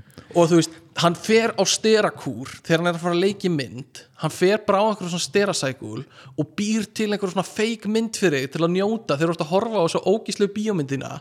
Leifðu hann að vera eins og hann er í sínu persónulega lífi, Mhm. veistu hvað álæðin er að leggja á hjarta á sig þegar hann er á þessu sterakús hann fer á þetta og missir þú veist 40 kíló á einhverjum, einhverjum mánuði bara til þess að þú getur notið þess að horfa á sex fucking magavöðu á honum í einhverju svona í, í hálftíma. Þú veist fucking slaka á. Þetta er bara manneskja og má bara fucking eiga sitt persónulega líf. Einmitt. Og þetta, þetta, þetta brýtur niður fólk líka. Þetta brýtur niður þú veist, bara hérna þólinmæðina hjá fólki. Þannig að það kemur ekkert á óvart þegar einhver snappar eins og venjuleg manneskja myndi gera undir þessum aðstæðum og, og byður fólk og hendir myndavölum hjá okkur fólki, mér finnst það bara eiga skilið og hérna og, og, og þetta brýtur líka bara niður sálarlífið þeirra. Þú veist, Guð veit hvað fullt af einhverju frægu fólki hefur þurft að þjást í gegnum. Þetta eru náttúrulega aðal fórnalöf dagsins í dag þetta er fólki sem á það verst í dag það er fræga fólki með allar miljónuna sínar sem er verið að taka myndir af nei, eh, hérna eh, alls ekki, en þú veist með, eh, sko, líkilpunkturinn í þessu er mér finnst svona persónudýrkun eins og þetta séu guðir mm -hmm. óhald fyrir alla aðala já. það sem mér finnst þú veist, veist, ég les aldrei neinar fréttur eitthvað um fræga fólkið í Hollywood eða eitthvað svona. Þú veist, mér er alveg sama. Þú veist, ok, stundum sér maður eitthvað á lífinu á vísi, eitthvað svona um þennan og þennan sem verður hægt saman eða eitthvað. En svo koma líka stundum svona fréttur um íslenskt frægt fólk. Og þú veist, ég ok, eins og bara hana stjörnulífið á vísi sem er eitthvað svona Instagram myndir helgarinnar eitthvað svona. Uh, ég, á svo erfitt með að setja mig í spór einhvers sem að þú hefur áhuga á þessu. Mm. en það er samt áhugi fyrir þessu. Þú ert náttúrulega líka svona aðeins betri en venjulegt fólk. Uh, nei. þú hefur ekki áhuga á ógislega efninu sem venjulega fólki hefur áhuga uh, ég er ekki að segja það. Ég, en ég er að- hins vegar að segja að ég á erfitt með að setja mig í þau spór já, já, já, uh, hjá ógislega venjulega Já. fólki já, já. það er bara svona þú veist, þú veist, af hverjum hafa svona mikið áhuga á einhverjum Ok. manneskjum? Ok, ég skil hvort að meina en leið mér að grípa fram fyrir þér aftur. Þú lest frétt um það að Richard Dawkins sé hætt, sé byrjaður á, á Savakúr. Ertu að segja mér að þú myndir ekki klikka á og lesa um Richard Dawkins á Savakúr? Um, líklega ekki. Nei. Nei, ég er veist, ok, ég skil ok, ég skil alveg að hafa áhuga á kannski einhverjum þú veist svona uh, hérna ákveðnum personum, þú veist, ef það er einhver svona veist, ég get alveg skilja að þú veist, þú eigir uppáhaldsleikara og hafir áhuga á honum og fylgir honum á Instagram Já, og, já. og kannski lesir frétt þegar kemur um hann. Já, en svo er, en svo er bara svona fólk þú veist, eins og Gummi Kíró eða eitthvað, mm, þú veist, já, já, þú veist af hverju myndi einhver hafa Já. áhuga á honum? En, já, ég veit ekki það er örgulega bara af því annað fólk hefur áhuga á honum og þá vindur það upp á sig einhvern veginn. Já, ég veit ekki. Uh, Já, ég veit ekki. Hérna já, Ég held að eitt mest ekstrím dæmi um þetta sé K-pop og svona dyrkun á, á, á K-pop stjörnur kóreiskar popstjörnur já. Að hvernig fólk getur bara dottið inn í það og bara þetta verður lífið þeirra. Að fylgjast með uh, BTS eða eitthvað svona. Einmitt. Og hérna, þú veist, hvað hva hérna, af hverju horfi þessi K-pop stjarna svona illa á hinn sem var með hann í bandinu? Mhm. lestu þessa tíu blasna grein um einmitt. eitthvað svona samskipti þeirra? En ég, ég á samt auðvöldara með að skilja það vegna þess að það eru personur sem eru að þú veist það, veist, okay, það eru að framlega tónlist sem að veist, hefur einhvern veginn áhrif á þig. Þú veist, þetta er einhvern svona personur sem hafa áhrif á þig. Mhm. en svo var ég að lesa frétt uh, á vísi sem að það sem fyrirsögnin er full flugvél Æslandi er lendi á kúpu í tilefni stóramæli Skuðjóns í Ós Já, já, já. Þú veist, Þetta er ótrúlega áhuga, óáhugavert. og uh, hérna uh, já. Þetta er, Þú veist, þetta er samt hver, hver er Guðjón í Ós? Já, ég, Þú veist, hann hefur engin áhrif á mitt líf. Ok, þetta er kannski eitthvað stórt tækni fyrirtæki ég, þú veist, nei, þetta er Nei, nei, nei, nei. Þetta var þarna Þetta var, þetta var einhver hérna, fuglaræða, einhver tinkall ah, Guðmundur og svo var einhver svona stelpa þarna. Og gamall Guðmundi vantaði heila eða eitthvað svona. Mm, og hann, þess vegna er þetta svona áhugavert. Einmitt. Uh, já, uh, já þetta er, þetta er, þú veist, ég veit þetta er svona ég, þetta er bara par, þetta er, þetta var, það var hægt að skrifa bara, þú veist, þúsund sálfræði uh, hérna blöð eða sálfræði greinar um þetta. Þetta er eitthvað svona, ert að setja þig í spór hérna frægu, ert að ímynda þér að þú sért svona ríkur? Mhm. uh, ert þú að láta þig dreyma um, veist lífið þeirra, lífstílinn þeirra? Uh, Vildur Veit óska þess að þú væri með hann á kúpu veist, já já. Og vildi óska þess að vera skrifað um þegar ég fer e, til Budapest á tónlistarháttið getur ímyndað þér á vísi? Stefán Gunnlaugur flög til Budapest e, á economy class einmitt, tók með sér handfarangstösku eitthvað svona og, og svo er eitthvað svona mynda mér í svona sveittum hlýraból á einhverju tónlistarháttið þetta er bara draumurinn. Já. En þú veist, já. Bara eitt punktur viðbót. Mm. þú veist ég, einhvern veginn ímda mér að vera í spórum að, vera blaðmaður sem er að skrifa þessar fréttir. Mm. uh, veist, mér myndi einhvern veginn líða eins og ég væri bara þú veist, einn af hvað ætlaði ég að segja? Já, ekki segja. Nei, ok, sorry, segja. Að ég væri einn af þessum svona þú veist, þúsund miljón manneskjum sem er bara í tilgangslösu starfi. Að skrifa línu eins og það má rekna með að einn eða tveir koktelar verði sötraðar í ferðinni rom gæti komið við sögu. Þú veist, ég myndi að vera bara skrifstofun eitthvað svona mm, mm, rom gæti komið komið við Gin, nei, vodka, nei Rom, já, rom. Uh, Já, sko Algjörlega. En svo er hinn pollin í þessu kannski hafa þið bara gaman að þessu. Mögulega, já, og þá er ekkert að þessu. Þetta er sem, þetta er gallin við að gaggrina fólk. Er að þú veist auðvitað mega allir gera það sem við vilja. Já, og bara eða hafa gaman að þessu og vilja vinna við þetta skilur við já algjörlega. Veist, ég er, ekki, ég er ekkert að segja þetta að þú veist, eigi ekki að vera þarna. Þú veist, ég, það, veist, það sem ég er að segja er að ég á svo erfitt með að Já, setja já. mig í þessi spór að þannig ég er svona algjörlega, nei ég, ég er ég er sammálað þér sko. En ég bara, þú er ekki að segja það, þú ert hugrakkar en ég sko. Já, takk, uh, að hérna uh, algjörlega. Uh, og, og lokin að þessu er þú veist tengt svona fræga fólki uh, það var mynd sem kom út fyrir nokkru sem heitir Richard Jewell og fjallar um, fjallar um mann sem svona, svona uh, auðla, ekki auðla hann er svona bara saklaus hérna öryggisvörður á einhverju, einhverju tónleikum sem hérna bjargar fólki frá sprengingu. Og, og þetta er sann- sönnsaga sko, þetta gerist í alvörni og mjög góð mynd fannst mér. En fjallar um það hvernig sko, fjölmiðlarnir fara svona að, að hérna, uh, úrkynja þetta og hérna, breyta sögunni. Þannig að hann er allt í hennu grunaður. Bara því fjölmiðlarnir greindu frá eitthvað vittlaust og svo fóru allir hini fjölmiðlarnir að greina frá því sem fyrsti fjölmiðlarnir greindu frá vittlaust þannig að hann var orðan offsottur af lauruglinni og bara, bara allræmdur í hana fréttonum bara fyrir að sprengja tónleikana. Þó að hann hafi verið öryggisvörður hana sem var bara að hjálpa. Og hérna og þetta er sönnsaga bara um það hvernig fjölmiðlar geta bara bara til þess að fá eitthvað til að skrifa um sem er spennandi og fá eitthvað skúp þá bara fara ekki rétt með mál og, og vindur upp á sig á svakalega hátt. Uh, allavegna hvað erum við að tala um? Eigum við að, hopp, varstu með eitthvað tengt þessu auglýsingablöðum eða eigum við að uh, það snýst bara um duldar auglýsingar mm, mm sem er alveg áhugavert. Uh, bara svona þú veist ég var bara að hugsa um blöðin sem komum með fréttablaðinu til dæmis sem eru bara svona svona greinar sem láta eða sem líti út fyrir að vera fréttagreinar eða fréttaumfjallanir eða einhver viðtölin er bara auglýsingar. Já, og þú veist þetta er svona þetta er ekkit eina dæmið þú veist náttúrulega búið að tala um fullt með þetta sem bara í, á Instagram. Uh, en svo bara já, bara svona product placement líka Já. í bíómyndum og, og víðar sko. Þetta er eins og við fílum ekkert litin gulan en þau sponsoruðu okkur til að láta eins og við fíluðum litin gulan rosa mikið já, en þú sagðir Spons. Að það væri sponsor. já, það er reynda rétt er reynda rétt uh, já, þannig að ef við hefum talað um þetta rosa vel um litin gulan já. En þau borguðu okkur ef ég hefði bara sagt, hei Stefán, ég var að mála íbúðuna minna gula. Já, mér finnst hún ógisla flott hjá þér. Og gulur er ógslag flottur hvað litur fjekkst eiginlega hennar lit? ég væri til að kaupa hann sjálfur. Já, þetta er nýja litakortinar efurlaufiðar í bíkó.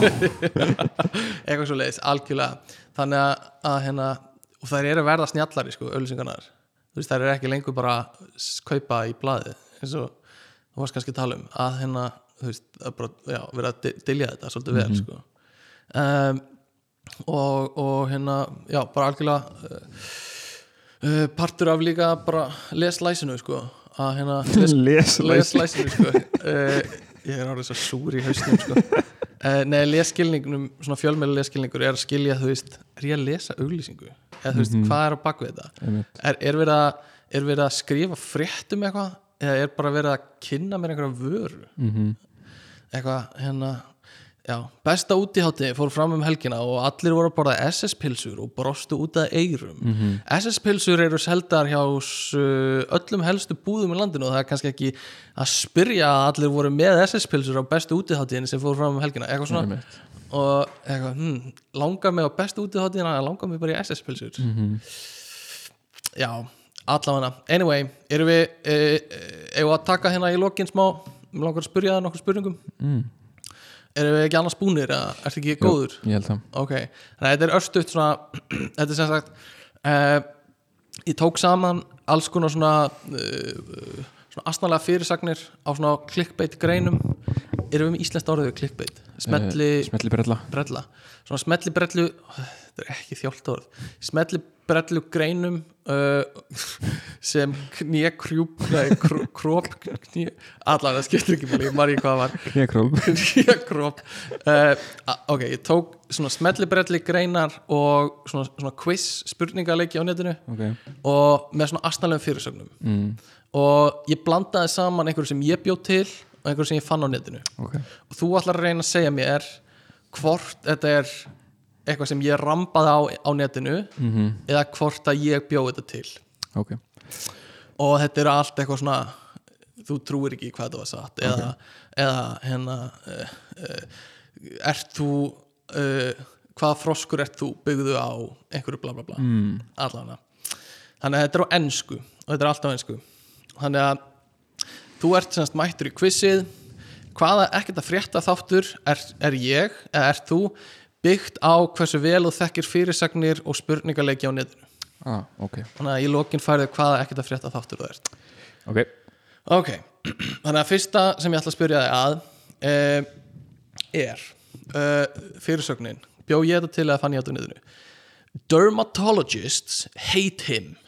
He is, six, he is 96 uh, but he looks 25 þetta er fyrirsögn. Er, bjó ég hana til eða fann ég hana á netinu. Mér líður eins og ég hafi lesið þetta sjálfur næstum því sko. uh, Ég ætla að segja að þú hafi búið hana til. Ég bjó hana ekki til.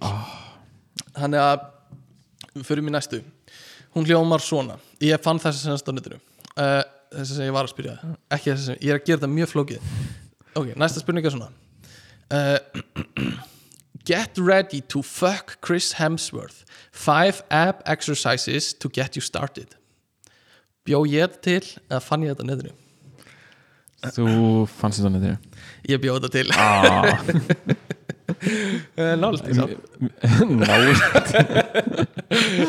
Ok. Mér líður samt eins og þetta sé allt eitthvað sem þú fannst á netinu er svona tvíkar aðeins Nei, ég, ég, gera, ég gera ekkert svo leiðis Það væri svindl. Ég, Þannig að ég annarkvort bjóð ég þetta alveg til frá grunni Eða ég fann þetta netinu. Ég tók aldrei svipaða grein okay. grein ok, ok uh, Ok, þessi er þetta Ok. Uh, uh, Ok. A friend gave him a pill And it won't stop growing. Shocked. Bjóð ég þetta til Eða fann ég þetta á netinu? Mm, Þú fannst þetta á netinu Ég bjóða til. Uh, Þú ert null hingað til. Ok, næsta er svona.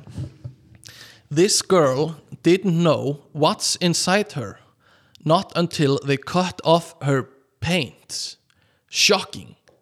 How could she didn't know? Og ég held taka fram Ég las þetta allt rétt Þannig að það var Ég er ekkert að How grínsta could she didn't know? How could she didn't know? Og hérna not until they cut off her paint. Uh, er ég að Þetta er svona er ég að plati plata eða er þetta eitthvað sem ég fann á netinu? Þú skrifar þetta sjálfur. Nei, ég fann þetta á netinu. Þetta er geggjuð grein. Það eru ógæðslega vikið að stafsningavillum og eitthvað. Um, ok, næsta. Gut doctor, tvípuntur I beg Americans to throw out this veg vegetable. Þess að einhver svona magalæknir. Ég byði eitthvað bandar ekki mennum að henda þessu. Henda þessum águsti Þú skrifar hana. Nei. Þetta er 50-50 basically. Ég, ég skil ekki hvernig það fyrir mér allt vitlaust. Ég er að fara að vinna bingo næst. Já, greinlega Ok, ok, ok. Næsta er svona. Uh, uh, uh, uh. Summer is over So here are five ways To steal your neighbor's child. Mm. Fann ég þetta netinu að bjó ég þetta til Þú veist, það er allt á netinu. Þú gætir skrifa eitthvað svona inn í Google og og hún svo grein myndi poppa upp Þú skrifar þetta Ég skrifaði þetta! Já, Vel gert, loksins. Uh, Ok, næsta er svona Grocery stores fear him. Og svo er undir fyrirsögn. Man creates brain dead simple system To cutting your grocery bill by 90% Hint, it's not coupons. Þetta er löng mm. Margþætt Gætir þú skrifa svona langa? Ah, ég er ekki, ekki íþróttar maður sko veit ekki hvort ég hafði í mér Þú fannst á netinu? Ég fann þetta á netinu glæslegt þú ert allir að koma til hérna. Uh, ok, næsta þarfst að segja mér sko, gefið tvær mm. sem fjallum Julia Roberts. Og þú þarfst að segja mér hvor þeirra ég skrifaði Ok. Ok, fyrsta er svona. Julia Roberts husband gained, gained 280 pounds and looks disgusting now. Þetta er fyrsta. Ok. Og svo er hinn Julia Roberts most used electric appliance. You won't believe it Þú skrifaði setni ég skrifaði seinni glæsilegt ha? þetta er allt að koma til ok, og núna erum við konur í testprófin ah. svona quiz um, og fyrsta er svona Which communist country are you based on your Netflix history? Fann ég þetta á netinu eða skrifaði ég þetta? Du, du, du, du, du, du, du. Þú du, du. Ég skrifaði þetta. Hú, vel gert, þú ert að hérna, Er ég búin að annarkvort að ég að skrifa verri titla eða að þú að hérna allra koma til gíska betur. Ok, næsta er svona. Uh, we know the name of your next lover based on the food you order from McDonald's. Hmm. þetta er mag magnað quiz verða að taka það fram. Þú skrifaði þetta? Nei oh. uh, við erum alveg að klára þetta hérna Næsta er Can we guess your relationship status based on your grocery shopping list?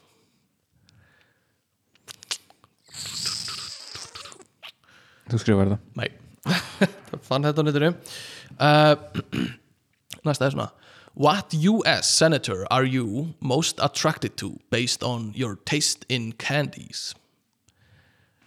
Hmm. Skrifaði ég þetta eða fann ég þetta á netinu? Fannst það niður Nipp, ég skrifaði þetta uh, Ok. Jesus Christ. Uh, Choose some potato foods and we will reveal if you are an introvert or an extrovert. Choose some potato foods. Jeps, potato foods. Fannst það niður Ég fann þetta á netinu, glæsilegt. Uh, Hérna uh, Ok What type of cute animal raised for slaughter are you based on celebrity crushes? Hvaða dýr Þú skrifar þetta. Já, ég skrifa þetta. Ó, glæsilegt. Þú sér hérna alveg í gegnum mig. Ok uh, Build an ice cream sundae and we will reveal what you'll be doing uh, 10 years from now Niður Já, glæsilegt. Og tvö eftir. What piece of IKEA furniture are you? Þetta er bara einfalt. Þetta er bara mjög basic. Þú skrifar Nei, netinu uh, Og síðasta. What's What cereal mascot are you based on your porn habits? Ah, nice uh, Þú skrifar Ég skrifaði þetta. Glæsilegt. Glæsilegt. Þannig að þú fjagst 5, 6, 7, 8 af 17 8 stig á 17 50% Já. Rétt undir 50% Þú, þú, þú hefði þurft að fara í endurtöku sko. Þannig að við byrjum upp á nýtt. námyndar upp eða ekki? Já, kannski. Máski, uh, þátturinn búinn. Uh, Takk fyrir að hlusta Það voru fjölmjöla umfjöllun okkar. Ætlaði ekki að segja mér hvað þáttur ég er? Jó, sorry, oh, fuck. Hvað varst með? Þú varst með 8 af 17 Við þetta þarf að fara í gegnum vélina. Og útkoman er Þú ert frímerkjakastið Wow Þú ert frímerkjakastið Það þáttur ert þú? Uh, Hvað heldur það að segja um þig? Það er ekkert verstið þátturinn til að vera sko. alls ekki. Um, Allan, nú, nú kveðjum við og segjum takk fyrir að hlusta. Við vorum styrtir af litlum gulum og uh, drekkum vatn uh, og við erum á ekkert að frétta gmail.com eða viljið senda okkur e-mail uh, fylgið okkur á Instagram, ekkert að frétta á Instagram. Við erum líka á Twitter ekkert að frétta þar. Um, já og senda okkur endilega eitthvað. Senda okkur hvort þið eru með aphantasia hvort þið sjáu hluti fyrir ykkur í hausnum eða ekki eitthvað sem þú vilt koma framfæri í lokin Nei. Nei, einfalt er það þannig að við kveðjum uh, góðstundir yes. Bye